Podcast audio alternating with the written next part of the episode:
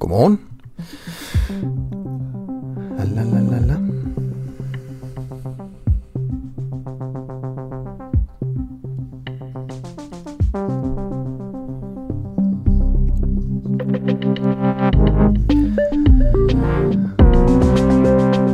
Sådan. Klokken den er syv. Godmorgen. Velkommen til en uafhængig morgen. Det er fredag. Og jeg hedder Asger Jul, og jeg er glad for, at du er med her til morgen, hvor vi har en rigtig god, vaskeægte journalistisk afsløring, som jeg synes er en vigtig, vigtig sag at få frem. Men det skal også handle om hende her. til september med op i Sminkkommissionen om, at I har slettet sms'erne. Det var rart nu at få lov til at sætte min egen ord på for kommissionen, og nu skal kommissionen jo have lov til at arbejde videre, og så har jeg ikke videre. Nå, Bastian, du har en utrolig- Alle sms-beskeder, de er væk. Det er ikke Du siger jo selv, at du gerne vil samarbejde med kommissionen, men du har ikke samarbejdet hele vejen igennem. På. Hold lige nu afstand her. Ja, det er Barbara Bertelsen, som man kan høre Bastian, her, din, er din hukommelse er utrolig skarp på alle mulige ting, men du kan lige præcis ikke huske, hvornår du rådgav Mette Frederiksen til at slette sine Jeg er jo som sagt rigtig glad for at have afgivet forklaring. øh, Hun siger ikke rigtig noget her. Jeg kan lige så godt skrue ned for det igen. Hun, hun, forlod, hun forlod Mink-kommissionen i går, Barbara Bertelsen. Og øh, så vidt jeg kan forstå det, så øh, svarede hun egentlig ret klart og præcist på mange, øh, på mange af spørgsmålene. Men der var alligevel også nogle ting, øh, hvor hun ikke kunne huske det. For eksempel, hvornår hun rådgav Mette Frederiksen til at slette mink-sms'erne. Øh, og hun kunne heller ikke... Altså, der var simpelthen nogle, øh, nogle selvmodsigelser øh, i forbindelse med et afsnit i et, et, i et, et aktstykke, som hun havde slettet. Et meget, meget afgørende afsnit, hvor hun på den ene side sagde, at jamen, hun havde bare slettet, fordi det vidste alle alligevel, og på den anden side sagde, at hvis alle havde vidst det, så, vidst, så havde man jo samtidig vidst, det var ulovligt. Så der er simpelthen øh, noget, der er, er galt der. Det dykker jeg ned i lige om 10 minutter, og der kommer til at være rigtig meget om Barbara Bertelsen, og den person, der skal afhøres i dag i øh, Mink-kommissionen, og øh, det er altså en rigtig prominent en, måske den næst mest prominente, der skal afhøres. Det kan jeg selvfølgelig fortælle, hvem det er lidt, øh, lidt senere. Men jeg vil godt starte med dagens afsløring. Vi, øh, vi stiller spørgsmålet om en, en øh, oceansk rådmand fra SF har fordrejet noget forskning, som han selv havde bestilt, øh, lige inden den skulle udgives. Så det er i strid med selve forskningen, altså bakket op om hans egen politiske mærkesag. Det er en skandale, mener vi, som er under opsejling i Aarhus Kommune, og vi afslører altså her til morgen, at forskeren bag et forsøg om karakterfri hverdage i de oceanske skoler, for det er det, det handler om. Det handler om karakterer i folkeskolen. Er det en god eller en dårlig idé? Øh, en forsker føler sig som en nyttig idiot, efter hun har set, hvordan hendes forskningsrapport bliver ændret af den rådmand, som havde bestilt såkaldt uvildig forskning. Og det er altså den oceanske SF-profil Thomas Medum, der er rådmand for børn og unge, som øh, der er tale om her. Øhm, og hvis man er rådmand for børn og unge, så svarer det til, at man i for eksempel København vil være borgmester. Man har altså en forvaltning og en masse ansatte. Den her SF'er har som politisk mærkesag, at karakterer er dårlige. Man skal have færre karakterer i folkeskolen. Det presser de unge. Og derfor så lavede han et forsøg, hvor nogle skoler stoppede med at give så mange karakterer, og så prøvede man at måle på, hvordan det så ville gå, og det er jo klart, at rådmanden så sidder vel og tænker, jamen, når man så måler, så vil det vel bakke det op, som jeg tænker, altså at det er dårligt for eleverne at få karakterer. Det skulle så måles af nogle uvildige forskere, der blev hævet ind for at lave en evalueringsrapport og følge det her projekt. Men det, der så sker, da man får rapporten, det er, at den måske ikke lige flugter med det, som SF-rådmanden havde tænkt. Det er ikke så entydigt, at karakterer giver stress for eksempel og er dårlige for eleverne. Og så kan man jo vælge to ting, når man sidder der som rådmand og får sådan en rapport, som ikke flugter med ens politiske holdninger. Man kan vælge at sige, okay, så ændrer jeg holdning. Jeg tog fejl. Videnskaben har talt. Eller man kan prøve at rette lidt i videnskaben. Og noget tyder på, at SF-rådmanden han gjorde det sidste. Inden rapporten skulle udgives, der sender han altså et forord ind, som han gerne vil have med i rapporten. Og her er altså decideret forkerte konklusioner i forhold til, hvad rapporten egentlig konkluderede om det her karakterprojekt. For eksempel skriver rådmanden i foråret, at resultaterne er opløftende, og at den karakterfri skoledag har gavnet eleverne i form af for eksempel mindre stress. Og det samme det skriver han i en pressemeddelelse. Men det kan man altså ikke konkludere på baggrund af den her forskning. Det siger en af forskerne bag rapporten nu til os her på Den Uafhængige. Og det var jo et stort oplæg, øh, som leder frem til dig, Pia Vedel Ankersen. Godmorgen. Godmorgen. Du er forskningsleder på Professionshøjskolen VIA og er en af forfatterne bag evalueringen af Aarhus Kommunes forsøg med at give karakterfri hverdag.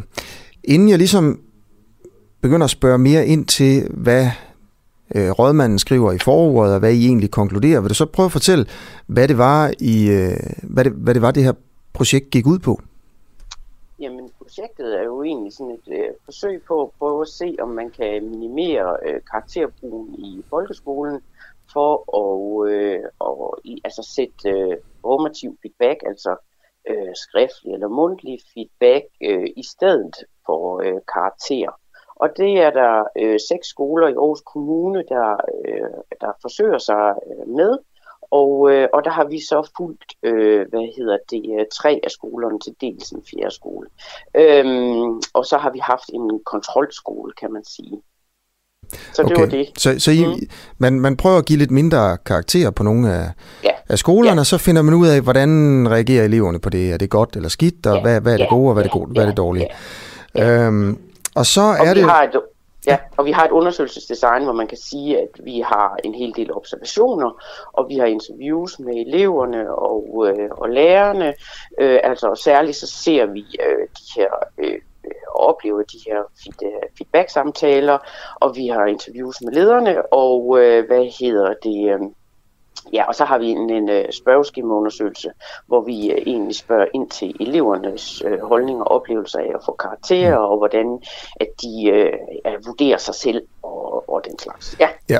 Og, og så er det så, at man laver den her, eller I laver den her rapport, ja. og der er det også vigtigt lige at få sagt, og det står så for min regning, det er jo en vigtig rapport i forhold til øh, den politiske proces, i forhold til, hvad beslutter man egentlig at gøre i forhold til skolepolitik i Aarhus for eksempel.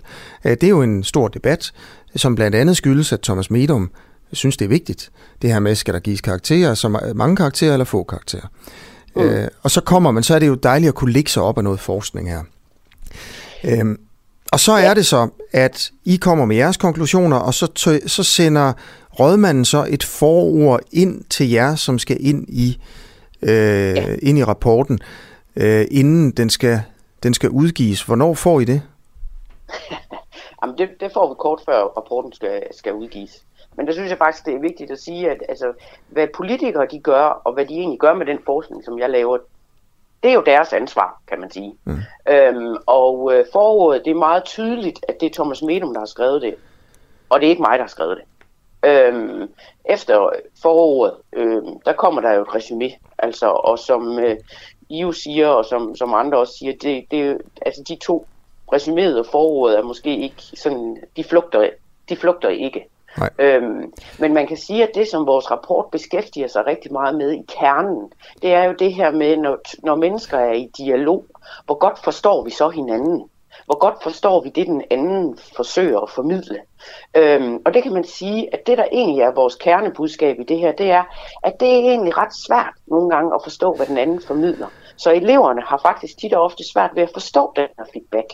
Og øh, det kan man sige, at, at, at for nu at tage Thomas Medum i forsvar, det kan godt være, at Thomas Medum har svært ved at forstå, hvad det egentlig var, mm. fordi at jeg skriver klumset, øh, hvad hedder det, øh, hvad, hvad, hvad kernebudskabet mm. var i, øh, i rapporten. Og kernebudskabet i rapporten er helt klart, karakter giver en kontekstafklaring, det giver en forståelsesramme, øh, og det har vi øh, som mennesker simpelthen brug for, for at, øh, at forstå øh, den dialog, vi ligesom indgår i, særligt i de her sammenhæng, og så feedbacken peger på, hvor er den nærmeste udviklingszone. Så det skal også siges helt klart her, at vi siger jo ikke, at feedback er dårligt. Det gør vi på ingen måde. Vi siger, at det på, er, feedback er super, super fint.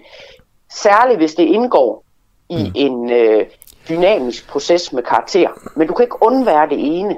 Øh, du er nødt til at have begge dele. Det er faktisk det, vi siger. Ja. Er forordet, som Thomas Medum sender til lige inden udgivelsen, en del af rapporten? Det er en del af rapporten. Det er en del af ja. Det er, rapporten. hans, det, er hans, det er hans fortolkning Ja. ja. af hans projekt. Konkluderer ja. han noget i det her forord, som han sender til jer lige inden udgivelse, udgivelsen, som der ikke er belæg for i den rapport? Jeg vil i hvert fald sige, at der er en voldsom øh, cherrypicking, øh, og, og man kan sige en ting, at vores, altså vores undersøgelsesdesign kan jo på ingen måde sige noget om stress blandt, blandt mm. unge. Altså, det, altså, det, Han- det, det, Han det- skriver det- jo det i forordet, citat, Resultaterne er opløftende. Eleverne har følt sig mindre stresset i hverdagen, hvor karakterer og præstationskultur har fyldt mindre. Citat slut. Mindre stressede elever, der hvor der har været færre karakterer. Det skriver han. Er det korrekt? Det er ikke korrekt i forhold til, hvad der står i rapporten, og det har vi slet ikke et uh, metodisk øh, design, der overhovedet kan, kan komme i nærheden af at sige noget om. Så skriver han jo noget, der er decideret forkert i forordet. Ja, det kan man sige. Ja. Ja. Men som flugter med hans egen politik. Ja, det står så... Ja, det, det, det kan man jo... Det, det, nu, nu, nu har jeg jo ikke Thomas Medums politik som mit specialområde.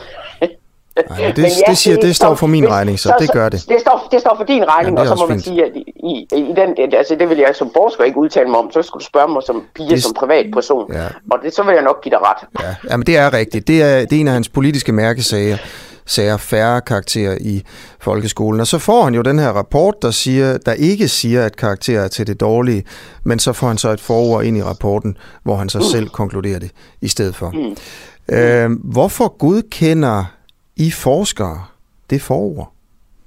Øh, ja, altså det kan du jo godt, altså det, det synes jeg faktisk er et meget relevant spørgsmål, og det er også, altså øh, har jeg ret i det? Altså gør, gør jeg det rigtigt? Øh, det er det ansvarligt? Altså, øh, jeg vælger helt øh, nøgternt at sige, det der forord, det er Thomas Medums. Øh, det er ham, der skriver det. Det er hans fortolkning. Øh, jeg har lige arbejdet med, at fortolkninger er utrolig svær kunst, og at øh, det menneskelige øh, sind er utrolig kreativ i forhold til at fortolke præcis det, vi gerne vil høre. Øhm, og det kan man sige, at så får jeg så sådan en forord herinde, som nærmest bekræfter det. Øhm, og jeg vælger at sige, det står for hans regning, og, øhm, og så sætter jeg det ind. Og så siger jeg, så overholder jeg min deadline, som var øh, kl. 12. Og hvornår får du det her forord tilsendt? Nu, nu synes jeg godt nok, du er meget... Øh, det får jeg kl. 11. Fortryder du, at øh, du øh, satte det her faktuelt forkerte forord ind? Jeg vil sige, jeg tror, jeg vil sige, at jeg er utrolig ambivalent, og jeg vil også sige, at den time der, der øh, gik jeg godt nok ret meget rundt om mig selv. Det må, det må jeg nok sige. Altså, øh, øh, Hvad tænkte du i den og- time? jeg tænkte, at puha, øh, du må jo være verdens dårligste forsker, Pia ved, øh, fordi du kan jo åbenbart ikke skrive en rapport, som en relativt begavet øh, øh, mand kan forstå. Øh, så øh, hvad hedder det? Øh, så jeg tænkte, fy, fy for det. Men så tænkte jeg, om okay, afsenderen er fuldstændig klar. Det er en fortolkning. Øh, jeg er ikke enig i fortolkningen, øh, men øh, afsenderen er klar. Øh, jeg lader det forord øh, gå ind. Velvidende selvfølgelig, at det første mange læser det forord. Øh, og så måtte jeg ligesom så sige, jamen, så må jeg jo regne med, at der er nogen, der har så stor en interesse i, i området, at, øh, at de også har lyst til at læse øh, resuméet og læse øh, hele rapporten, hvor, hvor vi egentlig forsøger at, at udfolde den her problematik og gøre den hvad skal man sige, selvfølgelig lidt mindre entydig, men også opretholder den kompleksitet, der ligesom er i det her. Og samtidig vil jeg så sige, at jeg synes faktisk, det er rigtig godt, at Aarhus Kommune sætter gang i det her altså formative feedback, og hvor meget man kan med det, og finder grænserne for, øh, altså for hvad, hvad det kan, og også finder, at, at, at egentlig kan man jo sige, at, karakter og formativ feedback er jo klart noget, der kan supplere hinanden Ja. på, en, på en fornuftig måde. Men, men, men Pia Vedel Ankersen, du går altså rundt Ja. den time mellem 11 og 12 og, og er i tvivl, ikke? skal det her forord, som er faktuelt forkert, og som bare støtter op om en, en politisk holdning, som borgmesteren har, ind i din forskningsrapport. Og så, så, så går du og tænker, ej, jeg, det, det er min skyld, jeg har skrevet det så bøvlet, at borgmesteren ikke kunne forstå det. Altså, du er vel godt klar over, at der også kan være en anden forklaring? Ja, ja. Det, øh, det, og hvad er, det er jeg. Nu, hvad er den anden forklaring, hvis jeg spørger dig? Jamen altså, den anden forklaring, det er, at, at, at, at, at, at Thomas Medum, han med de eller, eller bedste intentioner har sat et projekt i gang, som han meget gerne har ville se var en succes. Øh, og at øh, han så øh, cherrypicker og skriver et forord, som, som, øh, som, som passer ind i hans politiske agenda. Øh, og det, og det, det er den anden, øh, hvad skal man sige, det er den anden fortolkning, og så kan jeg jo vælge at sige, jamen så tager jeg, altså, så siger jeg, at jeg vil gerne have, at vi går tilbage til det forord, vi havde fået først. Øh, og, og, og det gør jeg så ikke. Jeg vælger at sige klart og tydeligt, det der, det er Thomas Menum, der har afsendt. Det må han stå på mål for. Du, du... Og det mener jeg også stadigvæk. Den der, den må han stå på mål jo, for. Jo, jo. Ja. Ja, det er også din rapport.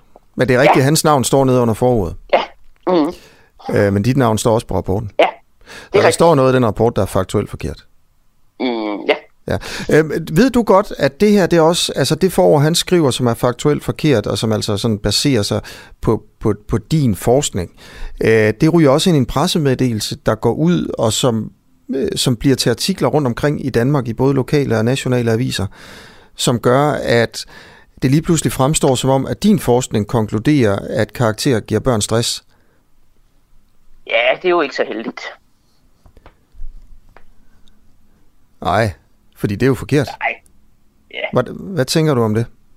Det tænker jeg, det er ikke... øh, Det, altså, man kan sige en ting, at, øh, hvad hedder det, øh, Aarhus Kommunes pressemeddelelse, det må være Aarhus Kommunes bord. Føler du dig misbrugt? Altså, nu, nu lavede du jo egentlig en indflyvning med, at jeg var, at jeg var en nyttig idiot. Øhm, og det kan man jo hurtigt, øh, det, den rolle kan man jo hurtigt få. Altså, jeg vil sige, at, at øh, jeg, jeg vil nærmest sige, at, at at det rapporten, det, der som er rapportens budskab, altså at det, at øh, det menneskelige sind er utrolig kreativ i at fortolke, og særligt fortolke det frem, vi gerne vil høre og se og sådan noget. Det er da på alle mulige måder blevet bekræftet. Og så ja, altså øh, det er menneskelige fejl, og det er umenneskelige menneskelige ikke at erkende det, og det kan da godt, altså sådan i øh, bagspejls øh, klogskabens klare lys, altså så, så øh, kunne det da godt være, at man skulle have sagt, at ah, den der, den er, den er, den er lige, øh, den er altså faktisk lige stram nok. Øh, Kan jeg få dig til at sige her til morgen, at du fortryder, at du sagde ja til det forord?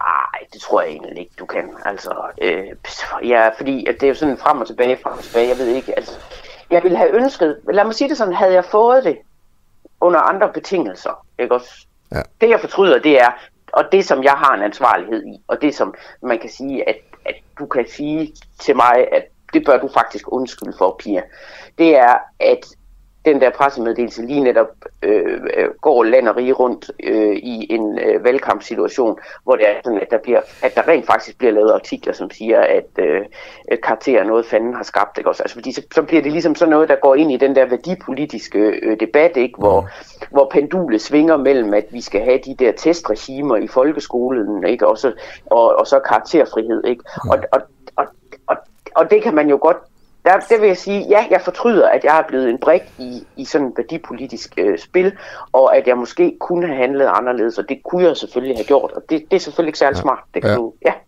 Og at der er kommet... Øh, altså, hvis jeg skulle skære den lidt skarpt, ikke, så er det... Jo. Øh, han... Øh, øh, SF-rådmanden Thomas Medum laver fake news og bruger dig som rambuk.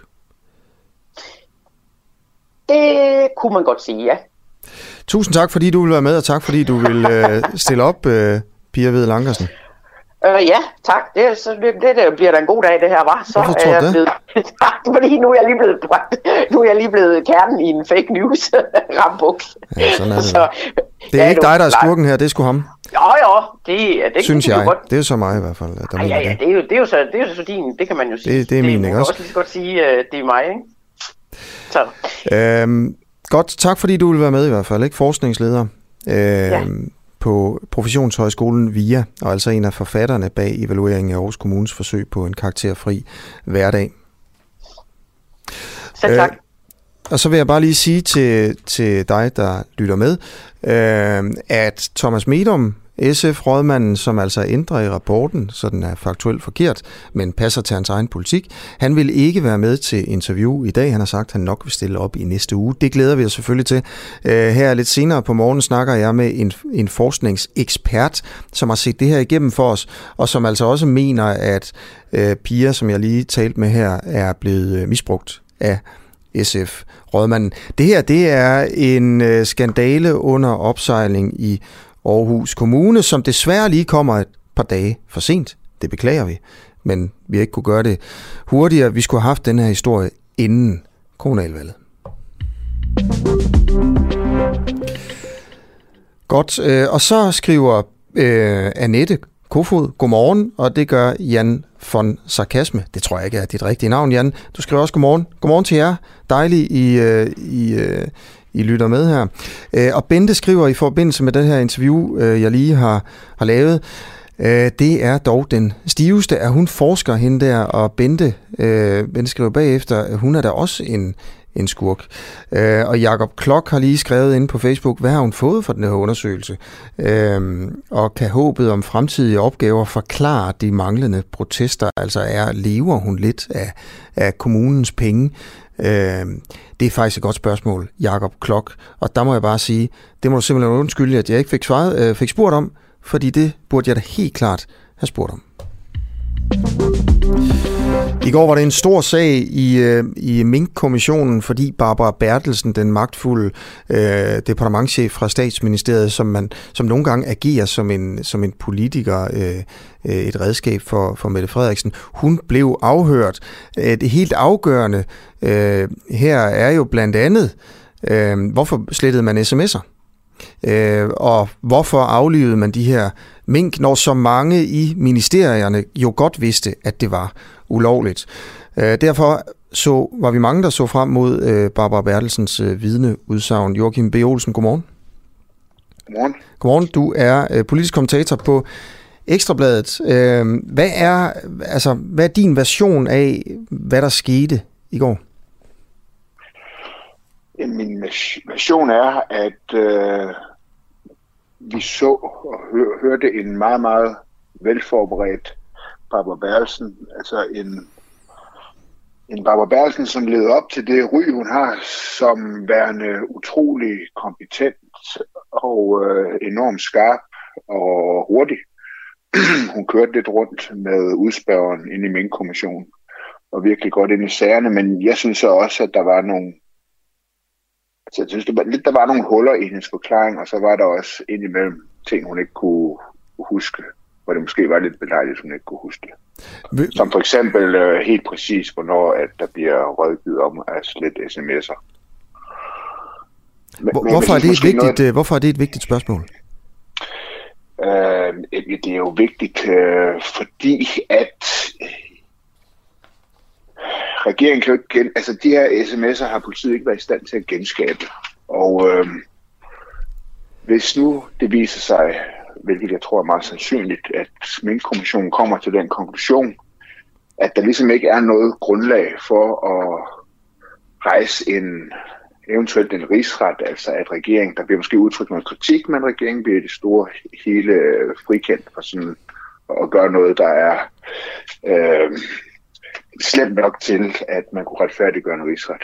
Så kan man sige, at de her slettede sms'er, ja, de, de vil jo alt, der vil altid hænge en mistanke over regeringen, øh, fordi man ikke, man jo ikke, vi får aldrig frem, var der en rygende pistol i de her sms'er. Det, det vil altid være sådan et, der er noget, vi simpelthen ikke er kommet til bunds i. Og det er selvfølgelig et problem for regeringen, og ærgerligt for regeringen, hvis det er sådan, at der ikke er nogen rygende pistol i de sms'er. Men, men det, det, det, det ligger jo sådan en, en, en tog af mistanke ned over den her sag, at vi aldrig kommer til bunds i den helt. Jo, men, men det jeg spurgte om var, hvorfor er det vigtigt at få svar på lige præcis, hvornår Barbara Bertelsen sagde til Mette Frederiksen, nu skal du begynde at slette dine sms'er systematisk. Fordi vi ved jo, det var Barbara Bertelsen, der rådgav Mette Frederiksen til det, og at Mette Frederiksen så fik sin telefon indstillet til automatisk sletning af sms'er. De sms'er, der nu ikke kan gendannes, og, og vi aner derfor ikke, hvad der, hvad der er stået i Frederiksens sms'er. Vi ved dog, at der blev kommunikeret meget på sms om Mink-sagen jo. Men, men det der med hvor, lige præcis, hvornår Barbara Bertelsen sagde til Frederiksen, du skal slette sms'erne, hvorfor er det et vigtigt spørgsmål? Det er vigtigt, øh, fordi at hænger det, hænger, hænger det sammen med den her Mink-sag. Hænger, hænger det, hænger det, at, at det, det, det, må jeg så sige, det viser, tyder alt på, at det ikke gør, fordi at de siger ligesom, at det sker i sommeren 2020, altså for lang tid før, at der er tale om den her Mink-sag. Øh, men, men, øh, men det, er jo, det er jo derfor, det er interessant. Plus der er det her Grønnegårdsudvalg, som også undersøger hele coronaforløbet. Og, og det er en anden sag, men det er jo også interessant, øh, om man begynder at slette øh, sms'er, og således gør det svært at komme til bunds i hele coronaforløbet, og hvordan beslutningerne bliver taget. Mm. Så det er jo et spørgsmål om, om der er den åbenhed, og øh, som der skal være i et retssamfund, hvor man skal have indsigt i, hvad er beslutningsgrundlaget øh, for de beslutninger, der bliver taget, og kan man komme til bunds i, øh, om de bliver taget øh, altså på et ordentligt grundlag. Mm. Okay. Øh, og vi aner jo så øh, ikke, øh, altså, øh, hvorfor og hvornår de begyndte at, at blive slettet, de her, de her sms'er. Øh, så er der jo et andet spørgsmål, det er, hvorfor i alverden begynder de egentlig at slette sms'erne? Øh, for eksempel Nick Hækkerup, der er justitsminister, han har ikke slettet sine sms'er, og mange andre minister har ikke slettet sms'er. Øh, der har ikke været nogen sikkerhedsvurderinger om, at det var bedst at slette sms'erne. Og, men, men det gjorde Mette Frederiksen øh, og ja. nogle andre i statsministeriet. Og så er det jo også, at der er mange, der har tænkt, jamen altså, øh, øh, hvorfor i alverden gør de det? Når, når andre ikke skal gøre det af sikkerhedshensyn, hvorfor skal Mette Frederiksen og andre i statsministeriet så gøre det?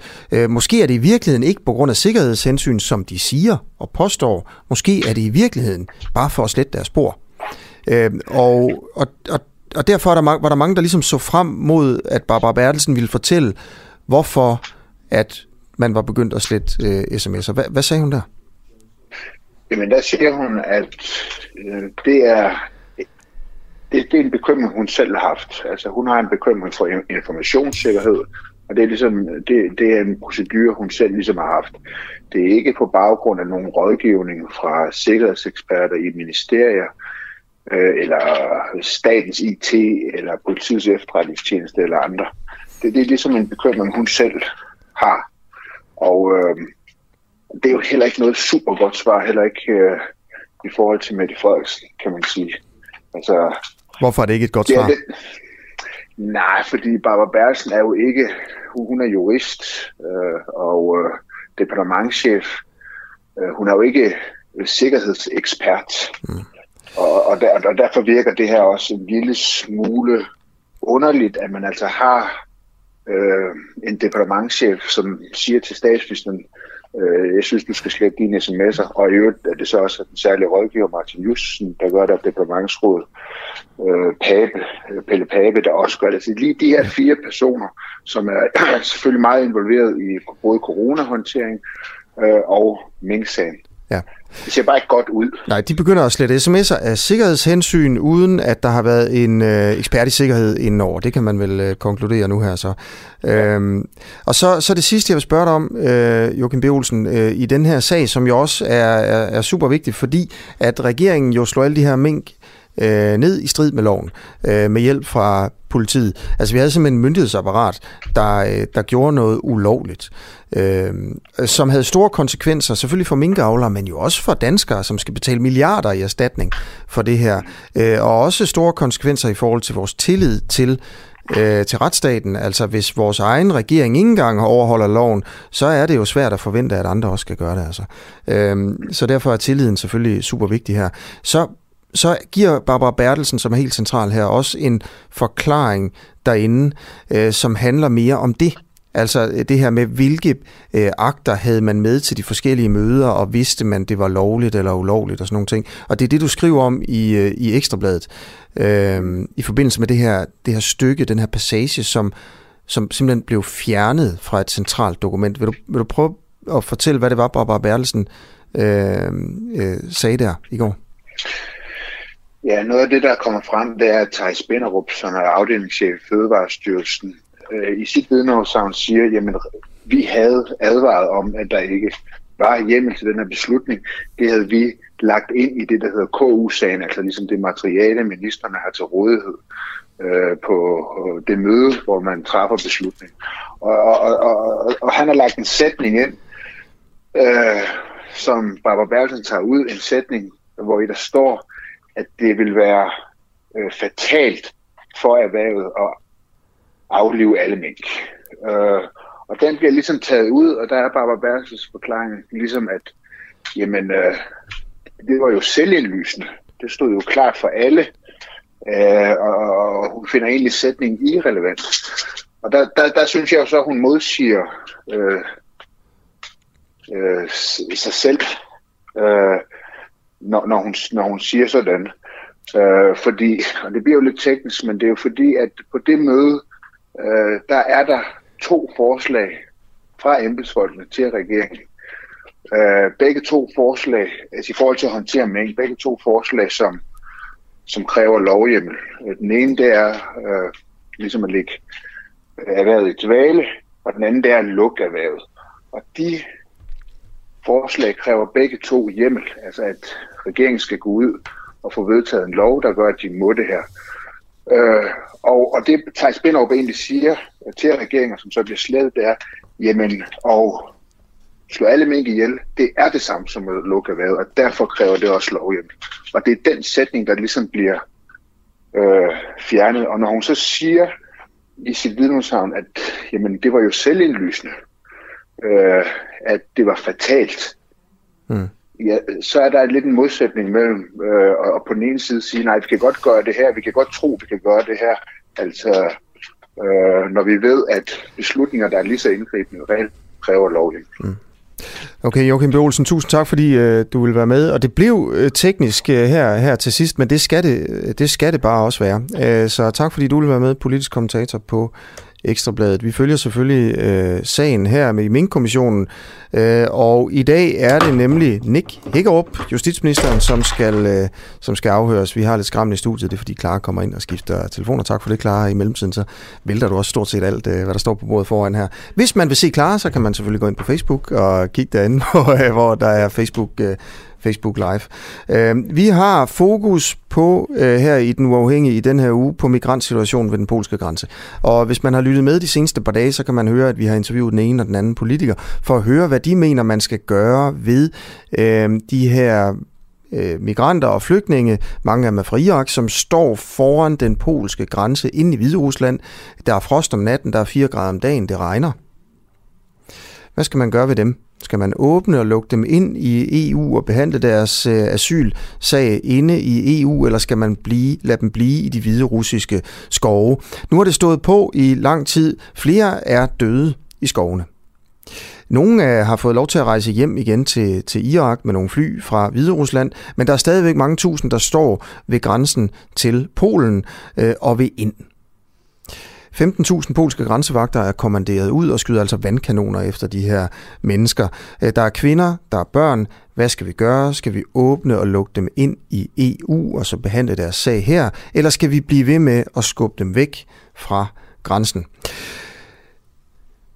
Først, lige om lidt, der vil jeg spørge, hvad enhedslisten mener om, om det her. Men inden da, der vil jeg gerne lige spille et ganske kort klip fra et øh, interview i går, så du kan finde ud af, hvad Venstre mener om det, eller måske finde ud af, hvad Venstre ikke øh, mener om, øh, om de her, øh, om hvad man skal gøre med, øh, med de her. Jeg skal lige prøve at se, om jeg kan finde klippet på min pult her, bare lige på to sekunder. Eller Jeg har desværre ikke venstre klippet. Jeg vil gerne spille klippet med i forhold til, hvad, øh, hvad de konservative så mener her. Det kommer her. Men hvorfor er det, at du tænker, okay, øh, dem der er døde indtil videre, det er ikke nok. Det er ikke nok armod, sådan generelt, blandt den her gruppe, øhm, for at du vil åbne grænsebommen? Ja, det er jo, det er jo simpelthen sådan en balance at sige, ikke? Øh, mm. hvor mange skal der dø, hvor, hvor er grænsen hen? Ja. Og det vil vi jo sige ved alle kriser, når vi har med flygtninge. Det er jo forfærdelige situationer, ja. der er der nu. Det er det jo. Ja. Øh, det kan du også se, hvor mange er det, der, der, når de dør over Middelhavet. Ikke? Skal vi så bare tage alle op, fordi mm. så skal vi hellere sende redningsbåde ud, så de ikke dør i Middelhavet, fordi så har vi reddet dit liv. Det er jo en, for, mm. det er jo en virkelig presset situation, og det er jo det, Lukashenko bruger mod os. Han lægger også et røgslør ud, så vi ikke ser, hvad der foregår i Belarus. Jo, jo. Så du kan ikke sige, hvor, hvor grænsen går, men, men du siger alligevel, at den er der et sted, der det handler om, at nok mennesker skal dø, så skal man åbne bommen. Nej, men... jeg siger, når der er nogle af de her enkelte personer, så må vi se, hvordan der er nogen, vi skal simpelthen tage hånd om. Mm. Men, men burde man lukke dem ind, der beder om asyl? Alle dem, der beder om asyl? Burde man lukke dem ind i EU? Nej, det bør man ikke. Men man bør have et system, man bør have et system, hvor man sørger for at give den en asylbehandling, mm. men at, man ikke, at det ikke automatisk fører til, at de kommer. Hvor skal de have den behandling hen? Det skal de have på, på, den, på den ydre grænse. I, inden, derfor, på hvilken side af grænsen? Jamen, når folk kommer til en grænse og søger asyl, så, ja. kan, så skal de jo i udgangspunktet ideelt set have behandling der. Men det skal jo ikke automatisk føre til, at de, at de kommer ind. På hvilken side af grænsen skal de have behandling, mener du? Jamen, på græn... jeg forstår ikke spørgsmålet. Og altså, grænsen altså, det er en linje, kommer, man kan jo ikke stå på linjen. Jo, man er enten på den ene eller den anden side. Man kommer ikke udgangspunkt er jo, som jeg sagde før, man kommer ikke ind i EU bare ved at komme til grænsen. Man kommer til grænsen, og så får man behandlet sin, sin asyl hvor, Og hvor skal de have behandlet asylsagen? I Polen eller i Hviderusland? Det skal de i udgangspunkt have af, af Polen. Det er, det, det, det er Polens så, myndighed. Så inde i Polen? På grænsen. Ja, det kan man ikke. Man kan ikke stå på grænsen. Man er det ene eller det andet sted. Nej, det er ikke rigtigt. Seriøst? Man kommer, kommer til, ideelt set bør det være sådan, at man bør have det, problemet for... Ja, det, det er ikke enten er man i det ene eller det andet land, altså. Problemet er, når man kommer til... Problemet i dag er, at i det øjeblik, man tager, man griber fat i grænsebommen, så har man ret til asyl. Og det øh, er asylbehandling, ikke? Og det betyder altså, at, man, at det vi foreslår er, at man får, at man opretter nogle centre, hvor man får, får en asylbehandling uden for, før man kommer til grænsen, for at undgå det her dilemma. Mm. Det er det, der er problemet i dag. Jo, jo, men de står her jo. De står her nu lige ved grænsen. Ikke? Og du siger, at de skal Nej. have lov til at komme hen til grænsen og bede om asyl. Og hvis de så Fordi... gør det, hvor skal de så have behandlet deres asylansøgning? Det er jo System, det, der... Systemet, systemet, som det er i dag, betyder, at det, man automatisk, når man kommer til grænsen, øh, betyder, at man så skal være i det land, altså, så er man kommet ind i EU, og så kan man ikke komme, så kan man ikke komme af med det igen. Det er det, der er problemet. Ja, ja, det er jo det, der er dilemmaet. Det er også derfor, jeg spørger om det hele ja. tiden. Ikke? Fordi hvis du siger nu ja. her, at man skal... Og derfor siger, jeg, derfor siger vi, har vi foreslået, at man laver asylbehandling væk fra grænsen, så man ikke bringer sig selv i det dilemma, så, fordi man ikke Men kan, nu står de ved grænsen til Polen. Der er 3-4.000 mennesker, flere af dem dør. Vi er jo nødt til at beslutte os for, om vi vil det ene eller det andet. Så, ja, så... Ja, vi er nødt til at beslutte. Polens myndigheder er nødt til at beslutte sig, ja. Ja, og hvad mener du om det? Skal de lukkes ind og få lov til at... Jeg så jeg bare for sidste gang. Nej, de, skal, de, skal de have lov til... Skal de have behandlet deres asylsag inde i Polen? Dem, der står der nu, Ja, nu, nu, nu, nu, nu kan du selv høre, hvor du, hvor du er på vej hen. Nu snakker du om ind i Polen. Og ja. det er præcis det der problem. Ja, ja.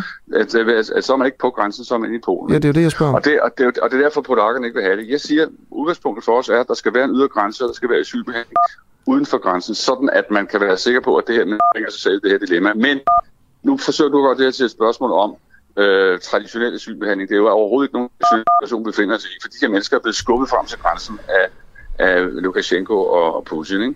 Og derfor bliver vi bragt i en situation, hvor vi er nødt til at fastholde, at der skal være en eller anden form for behandling. Samtidig skal det jo ikke være sådan, at man kan bruge det som pression over for EU. Ja, tak til øh, Morten Lykkegaard fra Venstre, der sidder i Europaparlamentet. Jeg beklager de der biblyde. Men altså, man kunne høre her, at, øh, at han mente, at, de her øh, folk skulle have behandling lige præcis på grænsen, og altså ikke i det ene eller i det, i det andet land. Øhm, og, og vi spørger forskellige politiske partier, og vi har jo så fundet ud af her, at det er super svært at få et svar. Øh, for eksempel også fra Socialdemokratiet i Europaparlamentet. Øh, skal, de, skal de alle sammen have lov til at søge asyl, og skal de så lukkes ind i EU? Eller, eller hvad i alverden skal man gøre? Nikolaj Willumsen øh, fra Enhedslisten, du er også medlem af Europaparlamentet. Godmorgen. Godmorgen. Godmorgen. Prøv, altså, du hørte jo lidt med her. Fik du hørt det med Morten Lykkegaard? Jeg skal være ærlig at sige, jeg kunne faktisk ikke høre øh, lyden, så, ah, men jeg okay. har hørt dit referat, øh, som du sagde. Alright, det han siger, det er, at man skal have... Altså dilemmaet er her, som, som, øh, som hverken Socialdemokratiet eller, eller Venstre kunne, kunne svare, øh, har kunne svare klart på, det er, de her 3-4.000 øh, migranter og flygtninge, der har stået i de hvide russiske skove øh, og prøvet at komme ind i Polen igennem de her grænseovergange. Mm. Øhm, skal de have lov til at komme ind, hvis de går hen til grænsevagten og siger, jeg vil gerne bede om asyl? Skal de så have lov ja, til at komme de. ind i, Vidu, i Polen og få behandlet deres sag der? Ja, det skal de selvfølgelig. Altså det, det er det eneste medmenneskelige rigtige at gøre, og det er det eneste menneskeretslige rigtige at gøre. Mm. Altså vi har en forpligtelse til at sikre asylretten, det har Polen, det har EU. Øh, så mennesker, der møder op øh, ved grænsen og beder om at få deres asylsag behandlet, de skal selvfølgelig have den, den behandlet. Så det er klart, så kan det være, at de har et personligt beskyttelsesbehov. Det kan være, at de er på flugt fra, fra krig og undertrykkelse i Syrien eller, eller Afghanistan eller, eller fra Erdogans angreb i Nordirak. Øh, så, øh, så har de øh, øh lov til at, at få beskyttelse, men har de ikke et, et, øh, et beskyttelsesbehov, så er det klart, så skal de selvfølgelig sendes, øh, sendes hjem. Ja. Og, og det, kunne, øh, det der, du siger der, det, det er jo det, der øh, står i international lov. Altså, ja, at, at man præcis. skal gøre, hvis man beder om asyl, så, skal man have, så har man ret til at få behandlet sin asylsag. Øh, ja. Den, den ret øh, har de jo ikke, de her migranter, fordi øh, de bliver jo skudt væk med vandkanoner. Mm. Øh, hvad mener du om, at, øh, at, at, øh, at Socialdemokratiet for eksempel ikke kan svare øh, på det, og at, og at Venstre, øh, Morten Lykkegaard, siger sådan noget med, at øh, altså, de, skal ikke have, de skal ikke få lov til at få behandlet deres sag inde i Polen. De skal få, de skal få behandlet deres sag præcis på grænsen. Og så siger jeg til ham, du kan ikke være på en grænse, enten er man i det ene eller i det andet land. Det mener han ikke. Øh, man kan godt være altså, præcis på en grænse. Hvad, hvad tænker du om de svar fra, øh, fra de store øh, danske partier i Europaparlamentet? Jamen altså, jeg synes jo, at, at Lykkegaards svar er, er absurd, altså, fordi du har fuldstændig ret, altså at, at øh, i det omfang, at, at man øh, giver dem lov at, at søge asyl og behandler det, så vil det jo foregå øh, i inden for, for EU's øh, grænse. Der, der er jo ikke en mulighed for at stå på midt på grænsen. øh, der er den ene eller den anden side, så det er du helt ret i. Det er, det er, det er absurd, men, men det er selvfølgelig øh, hvad kan man sige, måske mere et forsøg på at lave spin øh, og stå ved øh, vores forpligtelse til at, at sikre asylretten, hvorimod Socialdemokraterne er jo uhørt øh, brutalt og, og ihumant, at de ikke kan svare klart på, at vi vil leve op til vores internationale forpligtelser. Mm. Øh, anerkender du også, øh, at din politik om, at alle skal have lov til at gå hen til en grænsevagt og sige, jeg vil gerne bede om asyl, og derefter blive lukket ind i EU, at den politik vil føre til flere mennesker med muslimsk baggrund i de europæiske lande? Ja, det er klart, at, at der vil jo være en, dermed en adgang, for eksempel for de 3.000, eller hvor mange der nu præcist er, der befinder sig i en, i en humanitær krise til at, at, at, at søge asyl, og i det omfang, at nogle af dem har et beskyttelsesbehov, og i det omfang, at nogle af dem er muslimer, jamen så vil, vil, øh, vil de jo øh, de jo få, øh, få, kunne, øh, få beskyttelse. Altså, ja, og så, og, så er min næste spørgsmål, så det anerkender du. Mener du, at flere mennesker, som er øh, migreret eller flygtet fra muslimske lande, som dem, der står ved grænsen til Polen, hvis man får flere mennesker ind af dem i EU, øh, så kommer der mere kriminalitet, og det koster Nej, det flere penge. Det mener du ikke? Nej, det mener jeg ikke. Altså, og jeg synes også, at, jeg synes også, at når vi taler om helt sådan grundlæggende menneskerettigheder, altså som retten til at søge asyl, så er det faktisk mig blindrende ligegyldigt, hvilken religion man har. Altså, mm. grunden til, at vi jo har lavet øh, flygtningekonventionen, det lavede man jo efter 2. verdenskrigs uhyreligheder, hvor vi jo oplevede eksempelvis, at man ved den dansk-tyske grænse afviste jødiske flygtninge og man så, at der var et skib med jødiske flygtninge, der sejlede rundt i Atlanterhavet og blev afvist i England, blev afvist i, i, øh, i USA øh, på flugt fra, fra Nazi-Tyskland. Så, så for mig at se, så handler det her om, om alle menneskers rettigheder lige meget, hvilken øh, religion eller politisk overbevisning eller, eller seksuel orientering de skulle, de skulle have. Okay. Tusind tak, Nikolaj Willumsen, fordi du ville være med. Det var så lidt, og fortsat god dag. I lige måde, medlem af Europaparlamentet for øh, for enhedslisten. Og så skriver Jan ind på, øh, på Facebook her, øhm, Nå, her jul, så bliver du lige farvet nok, og farven virker rødlig. Øh, og det er jo altså, øh, tror jeg, og tak for, tak for kommentaren her, Jan, øh, fordi at øh, vi her problematiserer eller det gør jeg, og det står jeg 100% ved, at S og V øh, ikke svarer øh, på en måde, der giver mening eller nægter at svare på, på nogle spørgsmål omkring, hvad man skal gøre ved de her. Og så har vi en på, øh, fra enhedslisten, som bare svarer klart på det. Og jeg mener egentlig, altså journalistisk set, så, så, er det sådan, så kan man ikke gøre så meget andet. Jeg vil så dog give dig her, Jan, at jeg kunne være gået mere til Nikolaj Willumsen, der lige var igennem, i forhold til, om øh, det vil skabe mere kriminalitet i øh, EU-lande, og øh, om det vil koste flere penge. Øh, men jeg havde simpelthen ikke lige øh, statistik øh, ved min side her, øh, til ligesom at, at gennemføre det. Øh, men jeg er ret sikker på, at der lå et øh, nogle, nogle gode kritiske spørgsmål og ventede, som jeg simpelthen ikke samlede op. Øh, så på den måde er, er det jo sådan set rigtigt. Men nu er det så også i talsat, kan man sige. Øh, Godt, tak for den kommentar. Husk, du også kan skrive ind, hvis du sidder og lytter med og har lyst til at blande dig eller kritisere mig eller et eller andet på sms 1245, så skal du bare skrive DUA, D-U-A-H, mellemrum, øh, og så din besked. Du kan også øh, gå ind på Facebook, hvor vi sender live, for du kan øh, se mig øh, hvis, hvis du skulle have lyst til det. Ikke fordi det er så spændende, jeg står bare i et radiostudie og, og taler. Hvis du har lyst til at støtte den her radio også i øvrigt, så kan du gøre det ved at sende en sms øh, til 1245, skriv UA. Det koster dig 39 kroner om måneden. Øh, det du får til gengæld, det er, at du får et uafhængigt øh, medie, der ikke får øh, noget som helst i statsstøtte, som går benhårdt til magthavere og politikere. Øh, og øh, så får du også adgang til et redaktionslokale, hvor vi hele tiden sådan, øh, alle medlemmer og også værter og journalister og redaktører diskuterer, hvad der egentlig skal i radioen, hvad der er hvad der er vigtigt. Du får altså indflydelse på journalistikken i dit helt eget medie. Det koster så 39 kroner om måneden. Skriv en sms til 1245 og skriv UA. Du kan også gå ind på vores hjemmeside, Den Uafhængige, hvis du vil blive medlem. Ja. Sådan. Og så trækker jeg lige vejret og siger, at klokken den er 14 minutter i 8. Øh, du kan lytte til os på vores app, du kan lytte på øh, FM 102,9 i Københavnsområdet, øh, du kan lytte på DAB, DK4 DAB, og du kan selvfølgelig se med på Facebook. Du kan finde os som podcast. Vi er den mest podcastede morgenradio i Danmark. Og så vil jeg gå videre nu til vores historie fra øh, Aarhus. Og jeg siger altså godmorgen til en professor emeritus i sociologi, Heine Andersen. Godmorgen. Ja, godmorgen. Du er... Øh, du har altså været på SDU på Sociologisk Institut. Og jeg vil lige prøve at præsentere historien øh, før... Undskyld, undskyld, undskyld. Jeg har ikke været på SDU, det er på Københavns Universitet. Okay, jeg beklager. Ja. Øh, godt, du lige øh, siger det. Vi har en historie her til morgen, som er en skandale under opsejling i oceansk politik. En øh, rådmand fra SF har øh, en time inden en, en forskningsrapport skulle udkomme, sendt et forord til forskerne, som han gerne ville have ind i rapporten. Det kom ind i rapporten, det var faktuelt forkert. Øh, det, der stod i øh, rådmandens forord, det svarede ikke til den forskning, der var videre i, øh, i rapporten, men det forord, som der kom ind, som var faktuelt forkert, det flugtede så med rådmandens egen politiske dagsorden. Han er imod karakterer.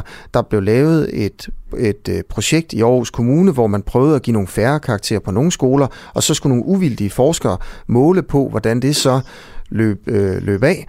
Og de konkluderede så, at øh, det var godt med karakterer, men det var også godt med den mundtlige feedback. De konkluderede ikke, at karakterer gav stress. Men i det forår, som rådmanden sendte en time inden den skulle udgives, der stod lige præcis det. Altså, at øh, flere karakterer giver mere stress til eleverne.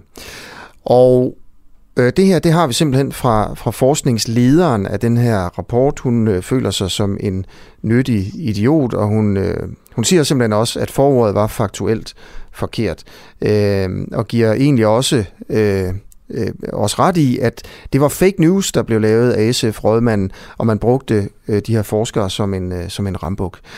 Øh, du har set det her igennem, og nu kommer spørgsmålet så til dig. Hvad tænker du om den her sag?